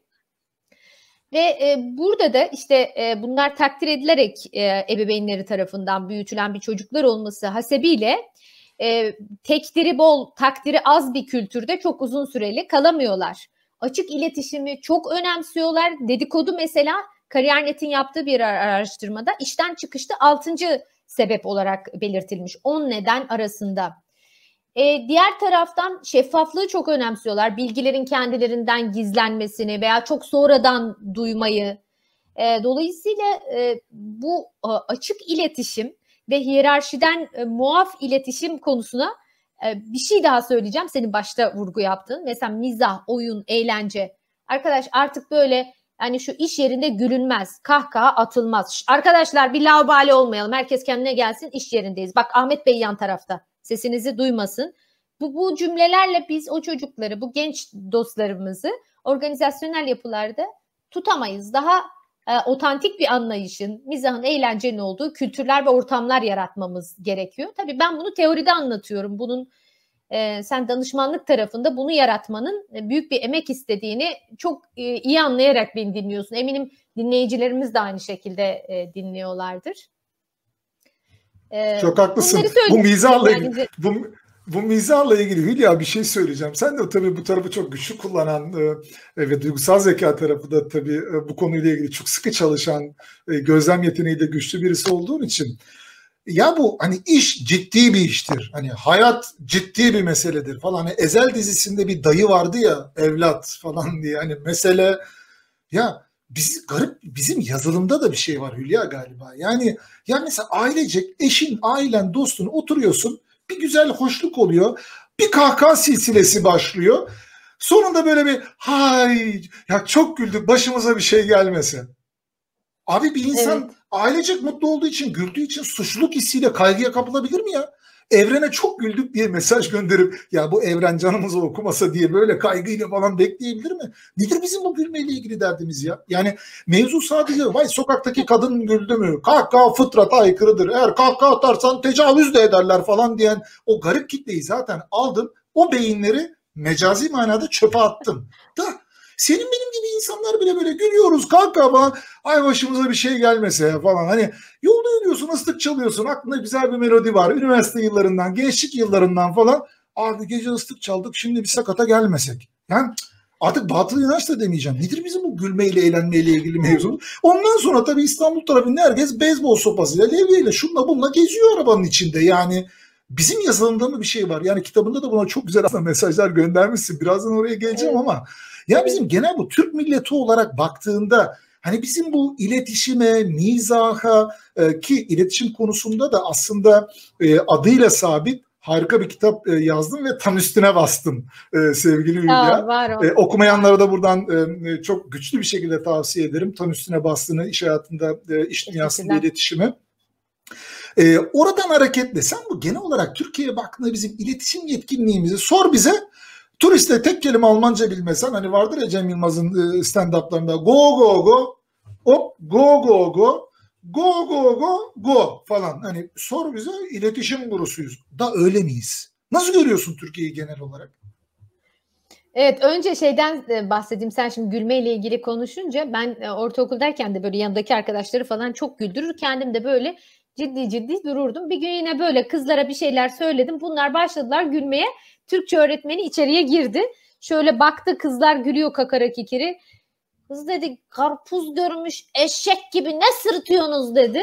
Bizde böyle bu çok güçlü bir şeydir. Şimdi hala görüştüğüm arkadaşlarım böyle biraz fazla evet. güldüğümüzde birbirimize söyleriz çok affedersin. Ne karpuz görmüş eşek gibi sırıtıyorsun. Var bizim gülmeyle ve iyi hissetmeyle bir meselemiz var hakikaten. O kayıtlar ayrı bir konu kültürel kodlarımızda. İletişim tarafına baktığımızda da bizim e, en temel sorunlarımızdan birisi e, açık konuşma, açıkça kendini ifade etme ve e, duygusal zekadaki önemli yeterliliklerden birisi olan duygularını derli toplu konuşma özelliğimiz yok. Aynı yastığa evet. senelerce baş koyan insanlar bile mesela eşinin bir şeyinden rahatsız oluyor ama bunu söylemekten imtina ediyor. Niye? Ya şimdi mesele çıkmasın. Ben biliyorum oyunu arıza çıkarı söylemiyor. İçine atıyor. Sonra bir öfke patlamasıyla garip bir iletişim krizine hadiseyi dönüştürebiliyor. Yani ilk önce bizim konuşmayı öğrenmemiz gerekiyor. Hatta e, Freud'un bu kaygıyı anlattığı bir özelliğimiz yok. Aynı yastığa senelerce bir anda sesim yankılandı gibi bir, bir eko yaptı mı? ama şu an hayır. Evet. Şu an gayet güzel tamam. ve normal geliyor. Bir an eko yaptı tamam. normale döndü. Şimdi Freud'un kaygıyı anlattığı bir makalesinde küçük bir kız çocuğu ile ilgili anlattığı şöyle bir hikaye var. Diyor ki e, bizzat şahit olduğum bir diyalogtur diyor. Küçük kız çocuğu 3 yaşında şeyle beraber e, teyzesiyle ya da halasıyla beraber bir odada ve odada karanlık olur. E, ışıklar gider. Kız çocuğu bağırmaya başlar. Hala, hala çok korkuyorum diye ve halası cevap verir. İyi de ne yapabilirim yani oda karanlık. Ve kız çocuğu da der ki olsun sen konuş birisi konuşunca burası daha aydınlık geliyor. Şimdi iletişimde konuşmak ortamı o kadar aydınlatan bir şey ki ama biz meseleleri konuşmayı ve duygularımızdan bahsetmeyi unutmuşuz. Belki yine e, hani o düşünceye atfedilen fazlaca değer hasebiyle duygulardan fark e, bahsediyoruz. Zaten güce de ge- gereksiz bir önem vermemizin de aslında bununla e, ilink, ilgisi var. Sonra bakıyoruz işte bir sürü e, psikosomatik rahatsızlık, bel ağrıları, boyun ağrıları, mide ağrıları ya da ruh sağlığı uzmanlarına sık sık başvurma vesaire e, birçoğunun temelinde mesela konuşamama, kendini ifade edememe, toplum olarak bunu öğrenmemiz gerekiyor. Organizasyonel yapılarda da bu çok zayıf. E, zayıf olması hasebiyle informal iletişim yöntemi olan dedikodu çok etkin bir şekilde kullanılıyor şirketlerimizde. Dedikodu bütün yani e, sen de Almanya'da çalışıyorsun. İşte benim İngiltere deneyimim her yerde vardır ama bizde biraz fazla. Bunun sebebi de e, zihinleri berraklaştıracak birebir ve toplu görüşmelerin çok da fazla yapılmaması. O zaman işte benim e, Zülfiye abla gibi böyle veyahut da bir çaycı karakterim var. Hani o Zülfiye abla şey diyor, sen o lafını bilmiyorum duydun mu? Şirkette iletişimi e, yöneticiler yönetmezse çaycı ile şoför yönetir diyor. Yani çünkü bu Sen, bunu, bunu bilmiyorum. Ihtiyacı. Evet. Bu Duvar insanın ihtiyacı. Evet. Doğru. Eğer biz e, insanın e, iletişim kurma ihtiyacını karşılamazsak o bir şekilde informal kanallardan karşılamaya e, devam edecektir. Keza dinleme mesela çok eksik olduğumuz konulardan birisi. E, sürekli e, diğerinden nasıl rol çalabilirim ya da zihnim bir şeyle e, meşgul. Kendi varsayımlarımla a, alıp veriyorum. Sen anlatırken ben diyorum ki Aa, kalkınca buzluktaki kıymayı çıkarayım da akşama bir köfte yapayım falan. Sonra bir yerinden tekrar yakalıyorum e, mevzuyu. Acaba kaçta biter diyorum. Bir yerinden yine yakalıyorum. Ve bu e, dinlemenin eksik olduğu ortamda otomatikman zaten e, empati kurmak da çok e, güçleşiyor.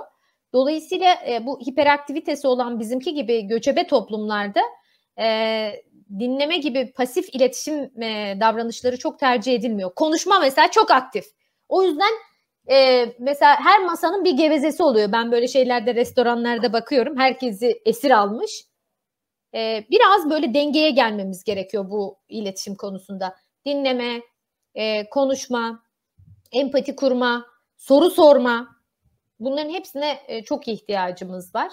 Çok kötü değil bence Türk toplumunun iletişim yeterlilikleri ama eksiklerimiz var. Bu bahsettiğim konular özellikle e, daha açık konuşmak, daha fazla dinlemek önümüzde bir fırsat ve en önemlisi de mesela iş kültüründe geri bildirim çok ama çok zayıf. Bugün senin de danışmanlık yaptığın o olgunluk seviyesi çok yüksek kurumlarda bile. Çok yani ilk 500'e girmiş. Bunu. bunu söyledin mi diyorsun? Ya söylemedim söylesen de o, o, o kafayı değiştirmez.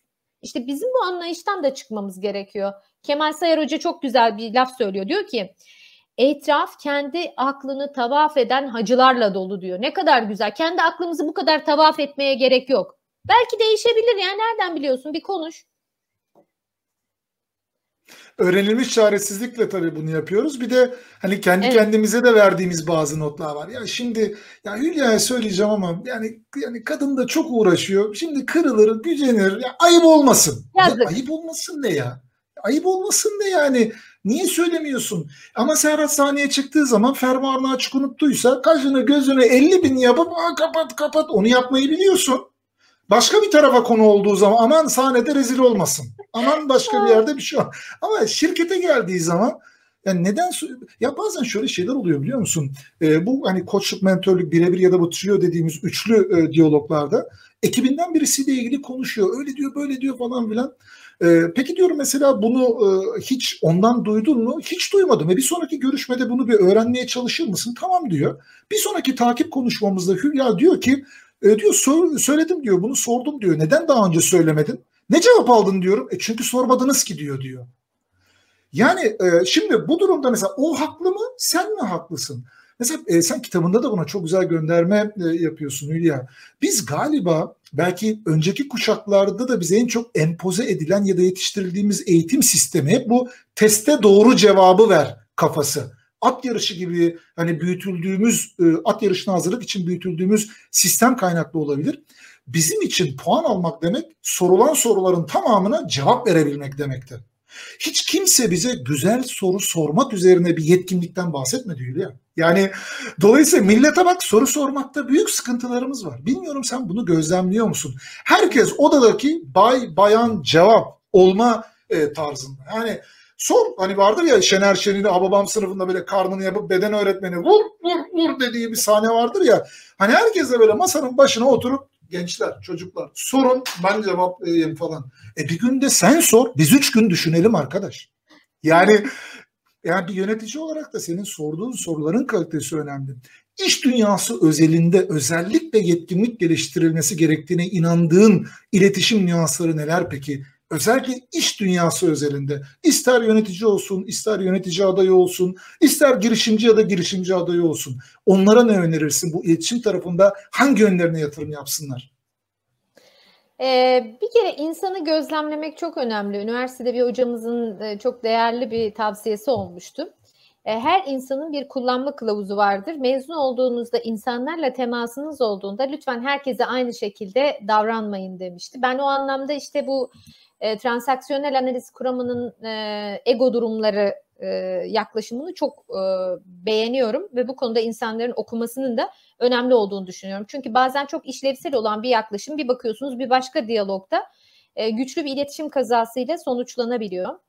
E, diğer taraftan az evvel altını çizdiğim geri bildirim önemli ve senin az evvel ifade ettiğin e, sorular kısmı bizim gelişmemiz gereken çok önemli konulardan birisi. Bizim e, çok değerli bir hocamız var pazarlama alanında e, konuşur. Bir üstattır kendisi Gülderen Somar. Türkiye İhracatçılar Meclisi'nde e, pazarlama üzerine e, üst düzey yöneticilere bir sunum yapıyor. Hoca da tabii e, Kanada ve Amerika'daki bütün e, geçmişi orada geçmiş. Yaklaşık bir 50 e, sene oralarda yaşamış ve güçlü sorular sormanın içgörü kazandırmada ne kadar ehemmiyet teşkil ettiğini idrak ettiği için karşısındaki kitlede yönetim kurulu başkanları, yönetim kurulları vesaire mütemadiyen sorular sorar, sormaya çalışıyor. Ve artık bir katılımcılardan birisi dayanamadı dedi ki hocam dedi sen de hiçbir şey bilmiyorsun her şeyi bize soruyorsun. Şimdi ben o adamı da anladım oradan. Aslında şu yani o kadar şeye alışmış ki bilginin boca edilmesiyle ilgili çabaya e, toplum olarak biz birilerine ya bu içgörü sende zaten var biraz iç, e, şey yapsak bir, bir iki tane güçlü soru sorsak sen de birkaç tane cesur cevap versen ortaya çıkacak. Soru sorduğumuz zaman evet ve müzakerede de bunun çok güçlü yeri vardır. Şimdi ben seni bir şeylere ikna etmeye çalışıyorum. Ya kardeşim ikna etmeye çalışma. Adama birkaç tane soru sor. Aklın yolu birdir. Onu eğer sen doğru soruları sorarsan oraya getireceksin. İngiliz edebiyatçı Rudyard Kipling'in bir sözü var diyor ki her şeyimi altı tane hizmetkara borçluyum neyim varsa. Beşen bir K sorularına e, atıf yapıyor. Ve Müthiş. insan da varoluşsal olarak e, zekasının olduğuna, sevildiğine, değerli olduğuna e, inanmaya çok ihtiyaç hali içerisinde. Bunun için ona şunu demek çok önemli. Peki sen ne düşünüyorsun? Senin görüşünü çok önemsiyorum. Sen benim yerimde olsan ne yapardın? Peki arkadaşlar siz söyleyin sizin görüşleriniz neler? Ama o dayatmacı buyurgan tarzı öyle bir benimsemişiz ki dediğin gibi. Hele bir koltuğa oturduğumuzda az önce ifade ettiğin e, çok doğru hemen havaya giriyoruz. Ben bir yerde çalışıyordum. İnsan kaynaklarında bir arkadaşımız terfi aldı, müdür pozisyonuna geçti. Biz de kendisine Levent diyoruz yani. Levent çünkü yani arkadaşımız e, benden sadece 3 yaş büyük. Senelerdir evet, birlikte Levent. çalışıyoruz. Levent yani. Neyse ertesi gün oldu. Biz ilk önce terfisini kutladık falan filan. Ertesi gün oldu geldi bu ve açık ofiste çalışıyoruz. Ben de Levent'ciğim günaydın dedim. Yeter artık ya bana Levent demeyin. Burada diğer yöneticilere yapabiliyor musunuz bu hareketleri arkadaşlar? Bana bir fırça. Bütün ofis döndü böyle bakıyor.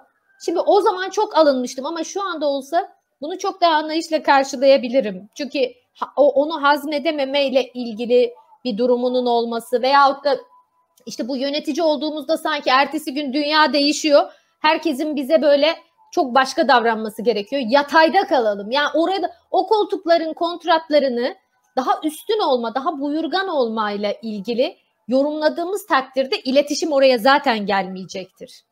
Çünkü hepimiz aslında çok orada 4000 4857 sayılı kanuna dayalı işçileriz. Birimiz genel müdür koltuğunda oturuyoruz.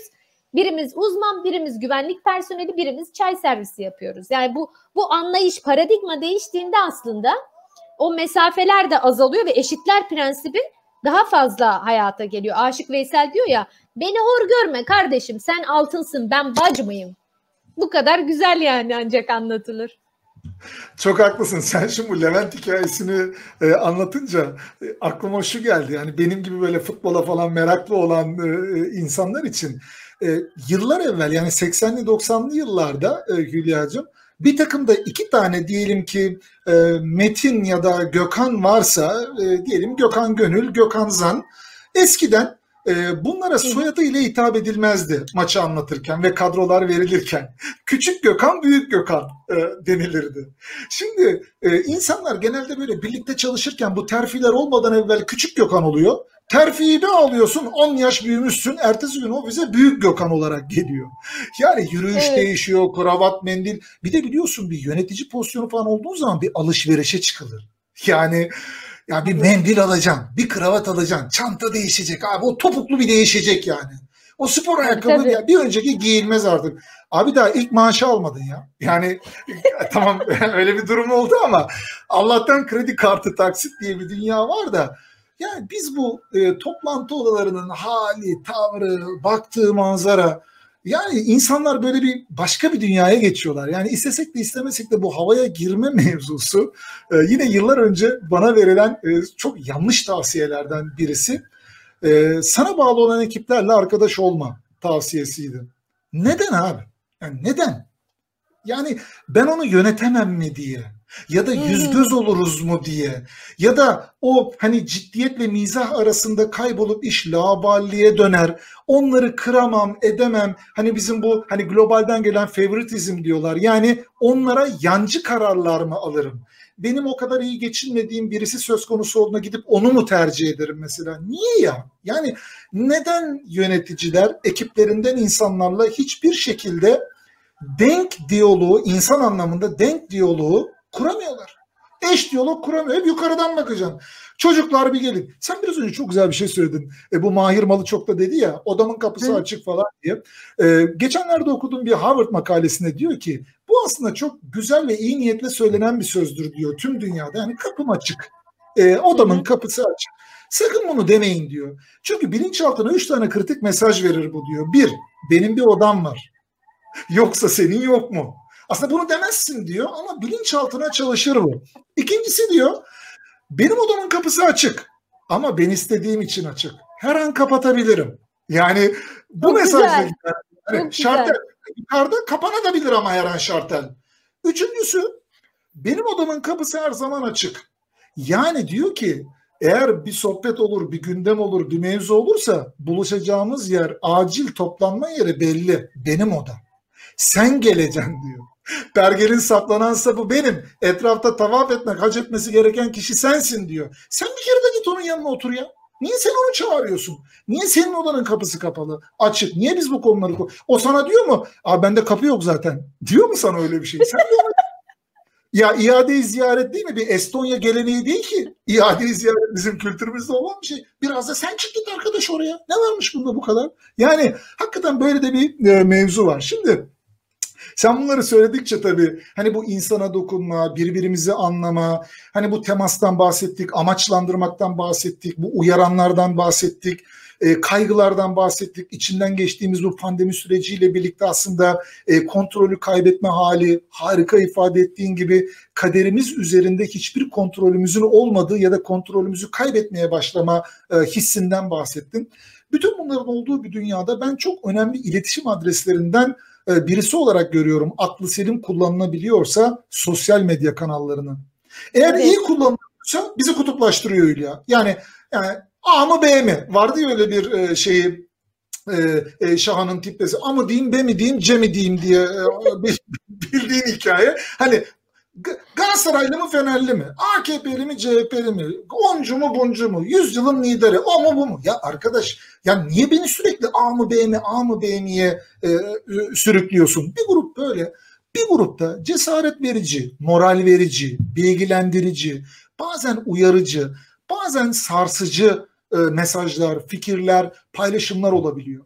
Sen de LinkedIn'e, e, başta LinkedIn'e diyorum, ve bu yönde çok ciddi katkılar yapıyorsun insanlara ve bununla ilgili olarak fiili olarak abi LinkedIn'de paylaşım yaptığın için cebine 3 para 5 kuruş koyan mı var ee, Hülya? Biz neden yani 8-10 yıldır hani bunları e, yapıyoruz? Her paylaşım 3 bin lira falan. Böyle bir dünya yok. Yani hep birlikte ya olsa fena olur muydu? Olmazdı değil mi? Şimdi şey diyor ki onu ondan güldüm.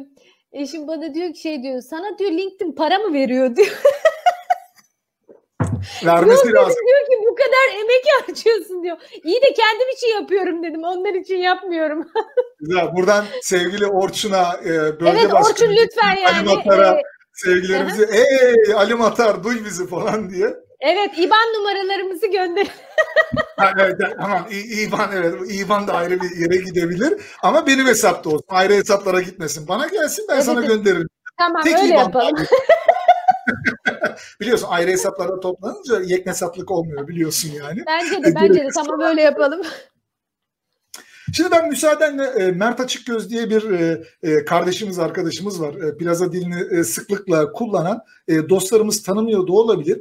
E, Mert Açıkgöz e, özellikle LinkedIn'e e, aktif olarak kullanan fakat hiçbir şekilde paylaşım yapmayan, e, genelde yapılan paylaşımların altına atarlı, giderli, e, racon kesen, böyle dali, deli Kadir e, haliyle öyle söyleyelim mesajlar mesajlar veren hani sen şarlatan mısın bu yaptığına paylaşım mı diyorsun bıktık yeter artık lanet olsun çek git buradan falan filan diyen bir arkadaşımız kardeşimiz e, ona ben bazı sorular e, sormak istiyorum. E, Mert hoş geldin. Hay hay. E, hoş bulduk abi.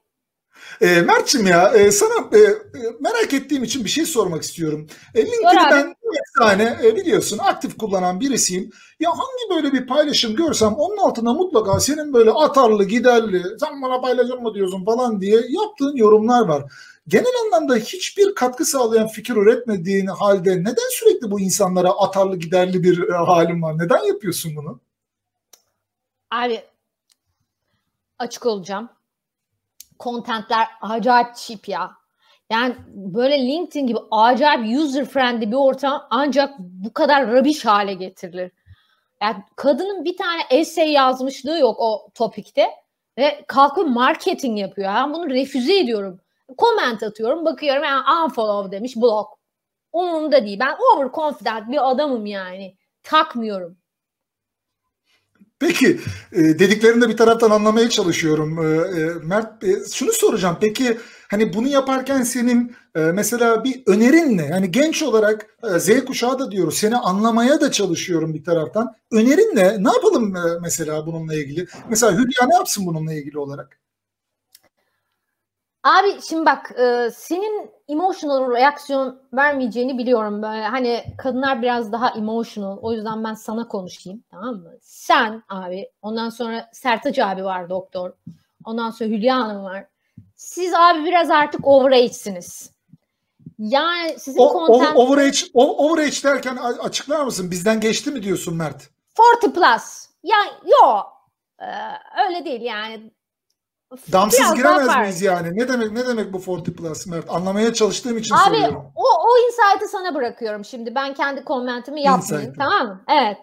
Abi biraz old fashion kalma halleri var. Yani bir advice istiyorsan New Generation'dan ben sana reverse mentoring e, tavsiye ederim. Daha doğrusu hepiniz alın bu reverse mentoring'i. Biraz sizin o mindset'i değiştirmeniz gerekiyor. Yani update etmeniz gerekiyor mindset'i. Yani ben öyle görüyorum. E, Mert e, şunu soracağım. E, neden Türkçe konuşmuyorsun? Abi e, bir kere bu söylediklerimin hiçbirinin Türkçe karşılığı yok. Var mı? Yok. Şimdi bir de ben şunu anlamıyorum. Bak o Hülya Hanım da öyle.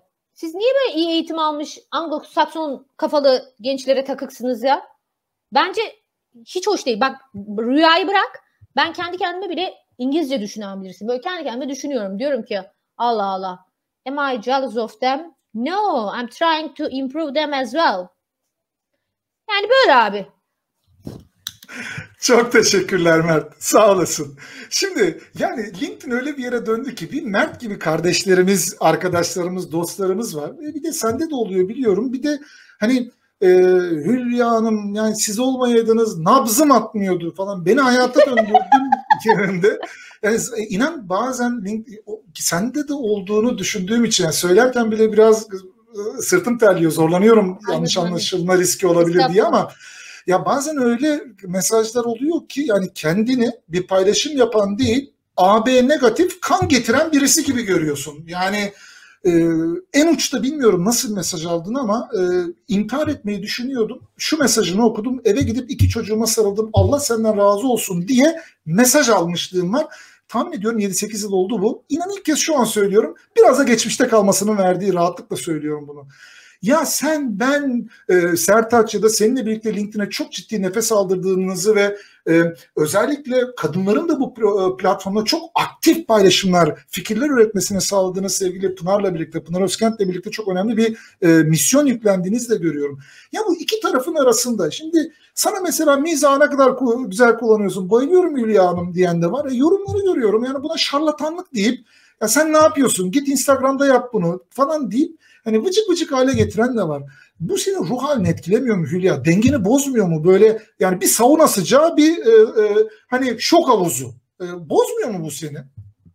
E, etkiliyor. Benim aslında önümdeki gelişim fırsatlarından birisi bu. E, bu benim de işte bir şekilde e, özdeğer konusunu bir kere daha gözden geçirmemi gerektiren bir yara belki de. Çünkü şeyi görüyorum bazı arkadaşlarımı. Onlara da çok acımasız yorumlar geliyor. Ama onların bunu çok daha iyi yönetebilme yeterlilikleri olduğunu görüyorum. Ben o kadar değil. Çok böyle acımasız saldırıya uğradığım zamanlarda birkaç gün yazmakla ilgili hiçbir e, şevkim e, kalmıyor. Hani insanlar mesela ya takma böyle şeyler olabilir falan. E, bir şekilde ben e, o, o güçte değilim. Hala çok ciddi e, konularla ilgili hassasiyetlerim var ama ben şunu söylüyorum. Ben e, e, beğenmediğim e, içeriklerinden ne memnun halde olduğum hiç kimseyi takip etmiyorum. Çünkü gerçekten bütün platformlar çok güzel bir e, unfollow, o kişiyi artık görmemeyle ilgili e, fonksiyon üretmiş vaziyetteler. Ama çok ilginç şekilde orada başka bir psikopatoloji olduğunu düşünüyorum. Bu kişiler stalklayarak giriyor çoğu zaman. Seni takip etmese bile içeriklerine e, bakıyorlar. Orada ben yani e, yine Erol Gökağ Hoca'nın bir yorumu var. Diyor ki bu sosyal medya insanların psikopatolojilerini çok rahatlıkla e, birbirlerine kusabildikleri bir yer haline geliyor. Ya bu e, Serhat'ta ne var yani? Niye millet bunu takip ediyor? Bunun yazdığında ne var? Ben bundan daha iyisini yaparım ya. Bu Hülya kim ya?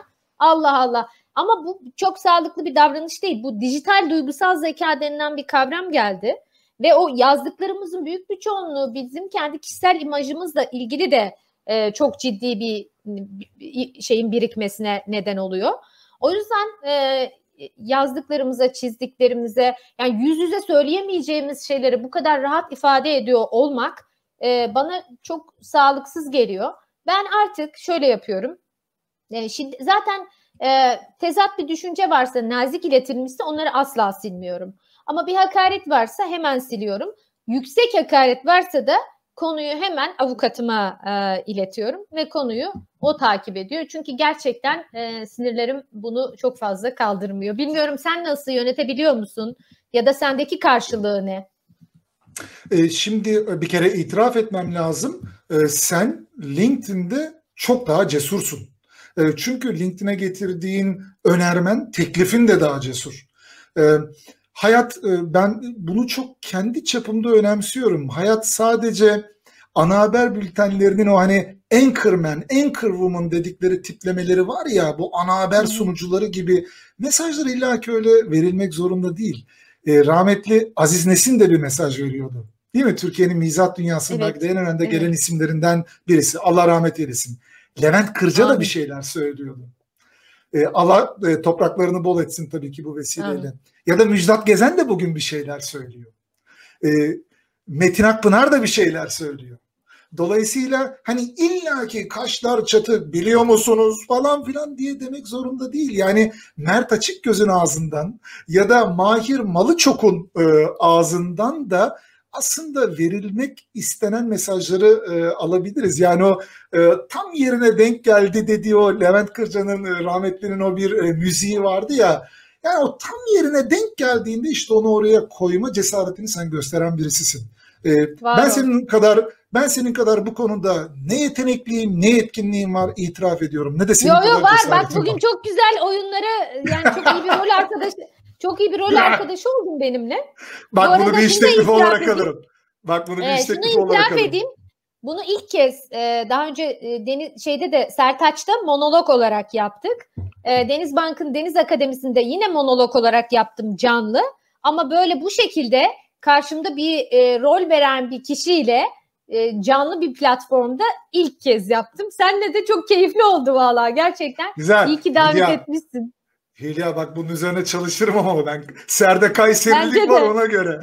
Oo, güzel. Tamam bak. bir Mahir Malı bir çok, Malatyalı. Onda, vallahi inan Mahir Malı çok memleketten bahsederken Kayseri diyecektim. Bizim de memleket en azından kızmazlar diye ama bazen dostlarımız gereğinden fazla alınganlık gösterebilir diye söylemedim. evet.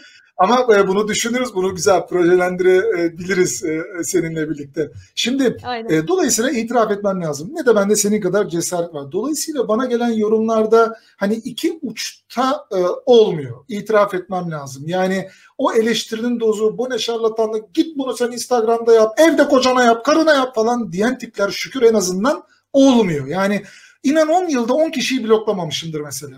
Yani bir yere kadar geliyor. Onun evet. ucunu zaten aşan olursa 10 kişiden birisi e, oluyor. Diğer taraftan şu çok ama yani e, kibar kibar ya sen bunu yapma. Yani bunu niye yapıyorsun ki? Çok mu biliyorsun? Hani bu tür durumlarda sen de görüyorum bunu yapıyorsun. E, yıllar içinde de e, bu refleks de daha fazla gelişiyor. Ben anlamaya çalışıyorum. Kendimce verebildiğim kadar da cevabımı veriyorum. Bazen evet. sabrımın sınandığını hissediyor muyum? Hissediyorum. E, evet. Ee, insanlara geri bildirim vermek önemli ama bu haddini bildirme meselesine mümkün olduğunca girmemeye çalışıyorum. Yani geri bildirimle haddini bildirim arasındaki o e, fark kritik olabiliyor. E, ancak bazen bilerek ve isteyerek oraya, o şeride geçtiğimde oluyor. E, mesela bazı şeylere tahammülüm yok Hülya benim. Yani senin gibi milletini sevmeyen falan diye başlayan bir cümle olduğu zaman e, hangi kriterlere göre milleti sevme yarışına giriyorsak kendisine onu soruyorum. Hani milletini seviyorsa neyi daha fazla yapmış mesela ve ödediği vergiden başlıyorum. Onun için ne kıymetli? Para pul mu? Konuşalım. Ee, e, şirketini, ülkesini, bayrağını yurt dışına temsil etmek mi? Konuşalım. Yurt dışındaki misafirleri Türkiye'ye davet etmek, ağırlamak, gezdirmek, konuşmak, kültürü anlatmak mı? Konuşalım. Ne istiyorsa onu konuşalım. Buyur konuşalım. E, çünkü insanların değerleri üzerinden klavye başında atıp tutmak e, çok e, maalesef ayıp bir şey oluyor Hülya. Global bir araştırma var. E, çok hoşuma e, gitmişti okuduğumda. Canlı yayına davet ediyorlar. Kimleri biliyor musun? Mesela ben Hülya'nın takipçisiyim. Hülya'ya düzenli olarak geçiriyorum e, sosyal medyada. Sen buna böyle mi diyorsun? Bu ne? Rezil. Al Mert Açık Gözü de git falan diye e, gibisinden. Bunları söylüyorum. Sonra bir gün bana diyorlar ki bir televizyon programı, bir diyalog, bir röportaj vesaire yapacağız. Aa güzel falan diye beni koyuyorlar diye. Yani neden olduğunu bilmiyorum ama cart diye yanıma Hülya Mutlu'yu oturtuyorlar. Ve canlı yayın program. Yani hem arkadaş kadına sürekli geçirmişsin demediğini bırak yanında oturuyor bin bir türlü Çok insanları insanları görmen lazım. Tiplemeleri, tipolojileri görmen lazım. Yani ben aslında öyle demek istememiştim. Aslında kendimi çok iyi hissetmediğim bir zamandı. Size değil başka bir şeye kızgın olduğum bir dönemden geçiyordum. Yani illaki bir insanın yanına oturmasına gerek yok bu mahcubiyeti yaşamak için. Yani e, ne kadar güzel söyledin. Birbirimizi biraz anlayalım. Bunu neden yaptığımızı anlayalım. Belki de seni ilgilendirmiyor mu? O anda takip etme. O paylaşımın altına beğeni yapma, yorum yapma. Ya da de ki bu bana ifade etmiyor de. Ama belki de bir tek kişinin bile hayatında anlamlı bir e, fark yaratıyor. Sırf bu olduğu için bir de niye Hülya'ya kötü davranıyorsun ki? Yani niye Sertaç'a ne yapıyorsun günde beş kez paylaşım yapıyorsun falan niye Sertaç'a geçiriyorsun ki abi? Adam bir şey yapıyor. Yazmış yeni nesil yayıncı. Sen mi yeni nesil yayıncı? Ha, falan. evet. Evet. Abi startup kurup iki kişi olup birine kendisine CEO denen genç arkadaşa da takılıyor. Sen kim CEO kim kaç kişiyi çalıştırıyorsun falan na da takıyor. Sertaç'ın günlü yaptığı beş e, paylaşıma da takılıyor. Ona da takılıyor. Buna da takılıyor. Senin yazdığın kitabı da buraya iyice diyor reklam yerine çevirdiniz. Arkadaş ya bir kitap yazmak kolay mı? E kolay millet yazıyor. E bir yazan yazıyor. Ama birisi dirsek çürütmüş, akıl e, e fikir üretmiş. Bu da kitabım demiş. Aynı bugün bizi e, dinleyen, izleyen dostlarımızdan ikisine hediye edeceğimiz senin harika e, eserinde olduğu gibi. Buna kitap mı diyorsun falan. Bak e, bir şey olmuş. Lafı çok uzattım ama e, sana son sözü bırakmadan evvel. Türkiye'de çok medyatik bir profil oldu. Severim sevmem, takdir ederim etmem. Acun, Ilıcı, Acun Ilıcalı'nın bir önceki eşi. E, takdir ederim, etmem, gündeme geliş biçimini severim, sevmem. Apayrı bir konu. E, o kadının hikayesi, senaryosu ya da gerçeği. Bir kitap yazdı. Verdik, veriştirdik. Yani kendimi de içine, ha öyle mi, böyle mi? Yani çünkü yani evet yani oku, okuyunca da, görünce de, bakınca da var bazı yorumların. Da onun üzerinden başlayarak öyle garip bir arada biliyorsun Nilgün Bodur'da da bu e, aynı şey yaşandı. Oldu evet. Şeyma'da olduğu gibi. E mesela e, sevgili Cüneyt Özdemir programında yani verdi, veriştirdi Twitter'dan, YouTube'dan, oradan, buradan işte kanalına e, canlı yayın aldı, ona geçiriyor, ona yorum yapıyor falan filan. Sen diyor yaşın geçti diyor. Eğlenmek istersen geli bizeye takılalım diyor. E, sen kundaktayken beni bizeye gidip geliyordun diyor. Arkadaş kimin kimle egosunu yarıştırıyorsun? Birisi kitabını yazdı mı? A. Sen ondan daha güzel kitap yazabiliyor musun? Yaz kitap. Güzel kitap nasıl olur okuyalım sayende ya. Niye geçiriyorsun milletin yazdığı e, kitabı? Yaz. İki, okunası mı değil? Okuma. Okuma. Niye sürekli her şeyi nafakaya bağla, ona bağla, buna bağla bilmem ne. LinkedIn'de de bu oluyor ve büyük haksızlık olduğunu görüyorum. İyi ki varsın Hülya. Ee, Sen de LinkedIn'de kattığın değerler itibariyle e, sevgili Pınar'dan e, e, başlayarak ikinizin açtığı o koridora e, yani sırasıyla aklıma gelen o kadar çok isim var ama İlknur, Nesrin, Zeynep, Gamze hani e, e, şu an ilk planda aklıma isimleri gelmeyen dostlarım lütfen kusura bakmasınlar. Zaten iş insanı kimlikleriyle hani e, Leyla Alaton ismi, Ayşen Zamanpur ismi, orada köşeli Deniz Kite Güner aynı şekilde yani o, o seslerini duyuruyorlardı. Fakat görece olarak e, daha bizim toplumun bağrından koparak gelen insanların da orada kendilerini göstermeye, e, insanlara sesimizi kendi kendimize de duyurmalarına e, çok ihtiyacımız vardı. Bu anlamda iyi ki varsın diyorum. Bıkmak, usanmak yok, yola devam diyorsun değil mi LinkedIn tarafında da? Tabii, ne diyorsun? Kesinlikle, hiç, hiç, hiç şüphesiz. Bu kadar user friendly bir platform yani Mert'in tabiriyle. Evet. Ben LinkedIn'i çok seviyorum, iyi ki var. Ee, aynen üretkenliğe kesinlikle. devam, ilham vermeye ve ilham almaya. Çok il, sen de dahil benim de az önce saydığın isimler ve daha aklımıza gelmeyen onlarca e, değerli arkadaşımız e, üretmeye devam etmeliyiz diye düşünüyorum. Çok haklısın. E, kapatırken e, benim unuttuğum, aklıma gelmeyen, e, sormadığım ya da bir, şunu da söylemek isterim bitirmeden evvel diyeceğin herhangi bir e, konu e, var mı Hülya'cığım? E, bence her şeyi konuştuk. Çok da güzel. Ben çok eğlendim bu arada. Gerçekten hani böyle bir klişe bir vardır yani. Kesinlikle. Yani, konvansiyonel me- medyada böyle çok klişedir programa katılanlar. Ya ben çok eğlendim, biz çok eğlendik. Ben hakikaten çok keyif aldım. Seninle sohbet etmek gerçekten çok çok iyi. İnşallah en kısa zamanda şu yollar yolaklar açılır. Otururuz, Kesinlikle. bir yemek yeriz, kahve içeriz, daha derin sohbet ederiz. Var ol programın çok güzel. Eminim çok değerli konuklarla devam edeceksin. Ben seni e, izlemeye, dinlemeye devam edeceğim konuklarınla. E, ve kitap vereceğimiz kişileri de senin seçmeni e, istiyorum. Çünkü sen programın ev sahibisin. İki dostumuzun bana e, isim ve adreslerini takdim ettiğin takdirde ben onlara bu hafta kitaplarını imzalayarak e, göndereceğim. Eksik olma. E, çok teşekkür ederim. E, yayın sonrasında da biz mutlaka konuşuruz. Senin bu bana attığın tamam. pası e, ben yine futbol tabiriyle duvar pası olarak sana göndereyim. eser eser sana ait. O anlamda da bu çerçevede de kime hediye edeceğimizi de yine seninle birlikte Bakın. diyeyim karar veririz. Ayağına sağlık, değer kattın, bizim için çok faydalı, çok keyifli bir sohbetin parçası oldun. Eksik olma. Görüşmek üzere. Sevgiler. Hülya'cığım. Görüşürüz. Bütün aileye selamlar ve sevgiler. Kendine çok iyi. Bağış üstüne. Bağış üstüne. Bir mukabele. Evet dostlar.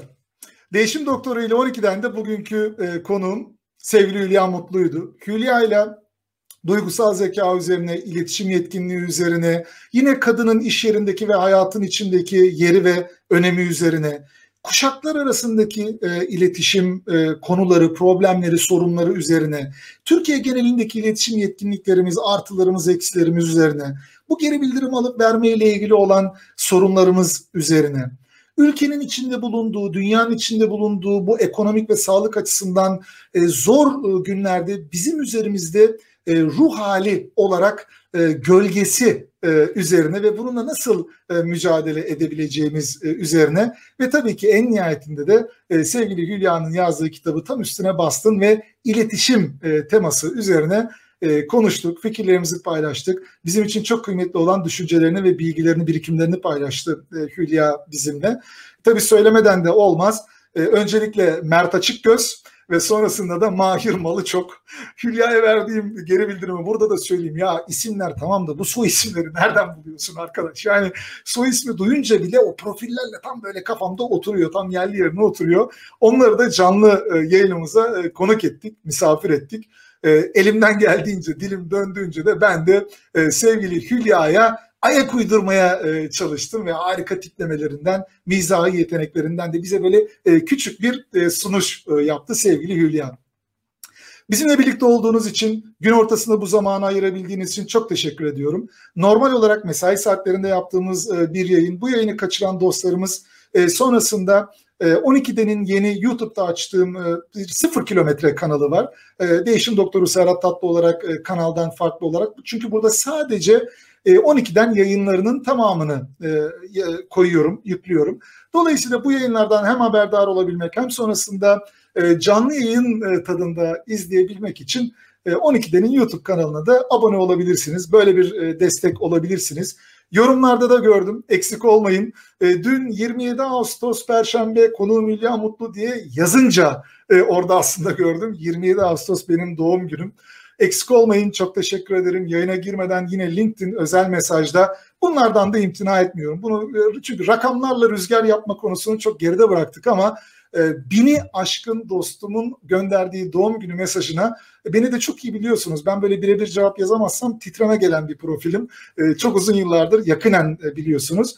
Hemen çok kısa sürede bunu yazamam ama buradan bir kere toplu olarak her birinize doğum günü dileklerinizle ilgili olarak, güzel dileklerinizle ilgili olarak çok teşekkür ediyorum. İyi ki varsınız. Umarım, dilerim sağlıklı, keyifli günlerde bu pandeminin de son bulduğu, bu musibetten bir biçimde kurtulduğumuz günlerde daha keyifli, huzurumuzun, eskilerin tabiriyle ağız tadımızın daha çok e, olduğu günlerde e, daha hoş e, hatıralar, hikayeler biriktirebildiğimiz günlerde birlikte hayatı deneyimlemeye devam ederiz dostlar.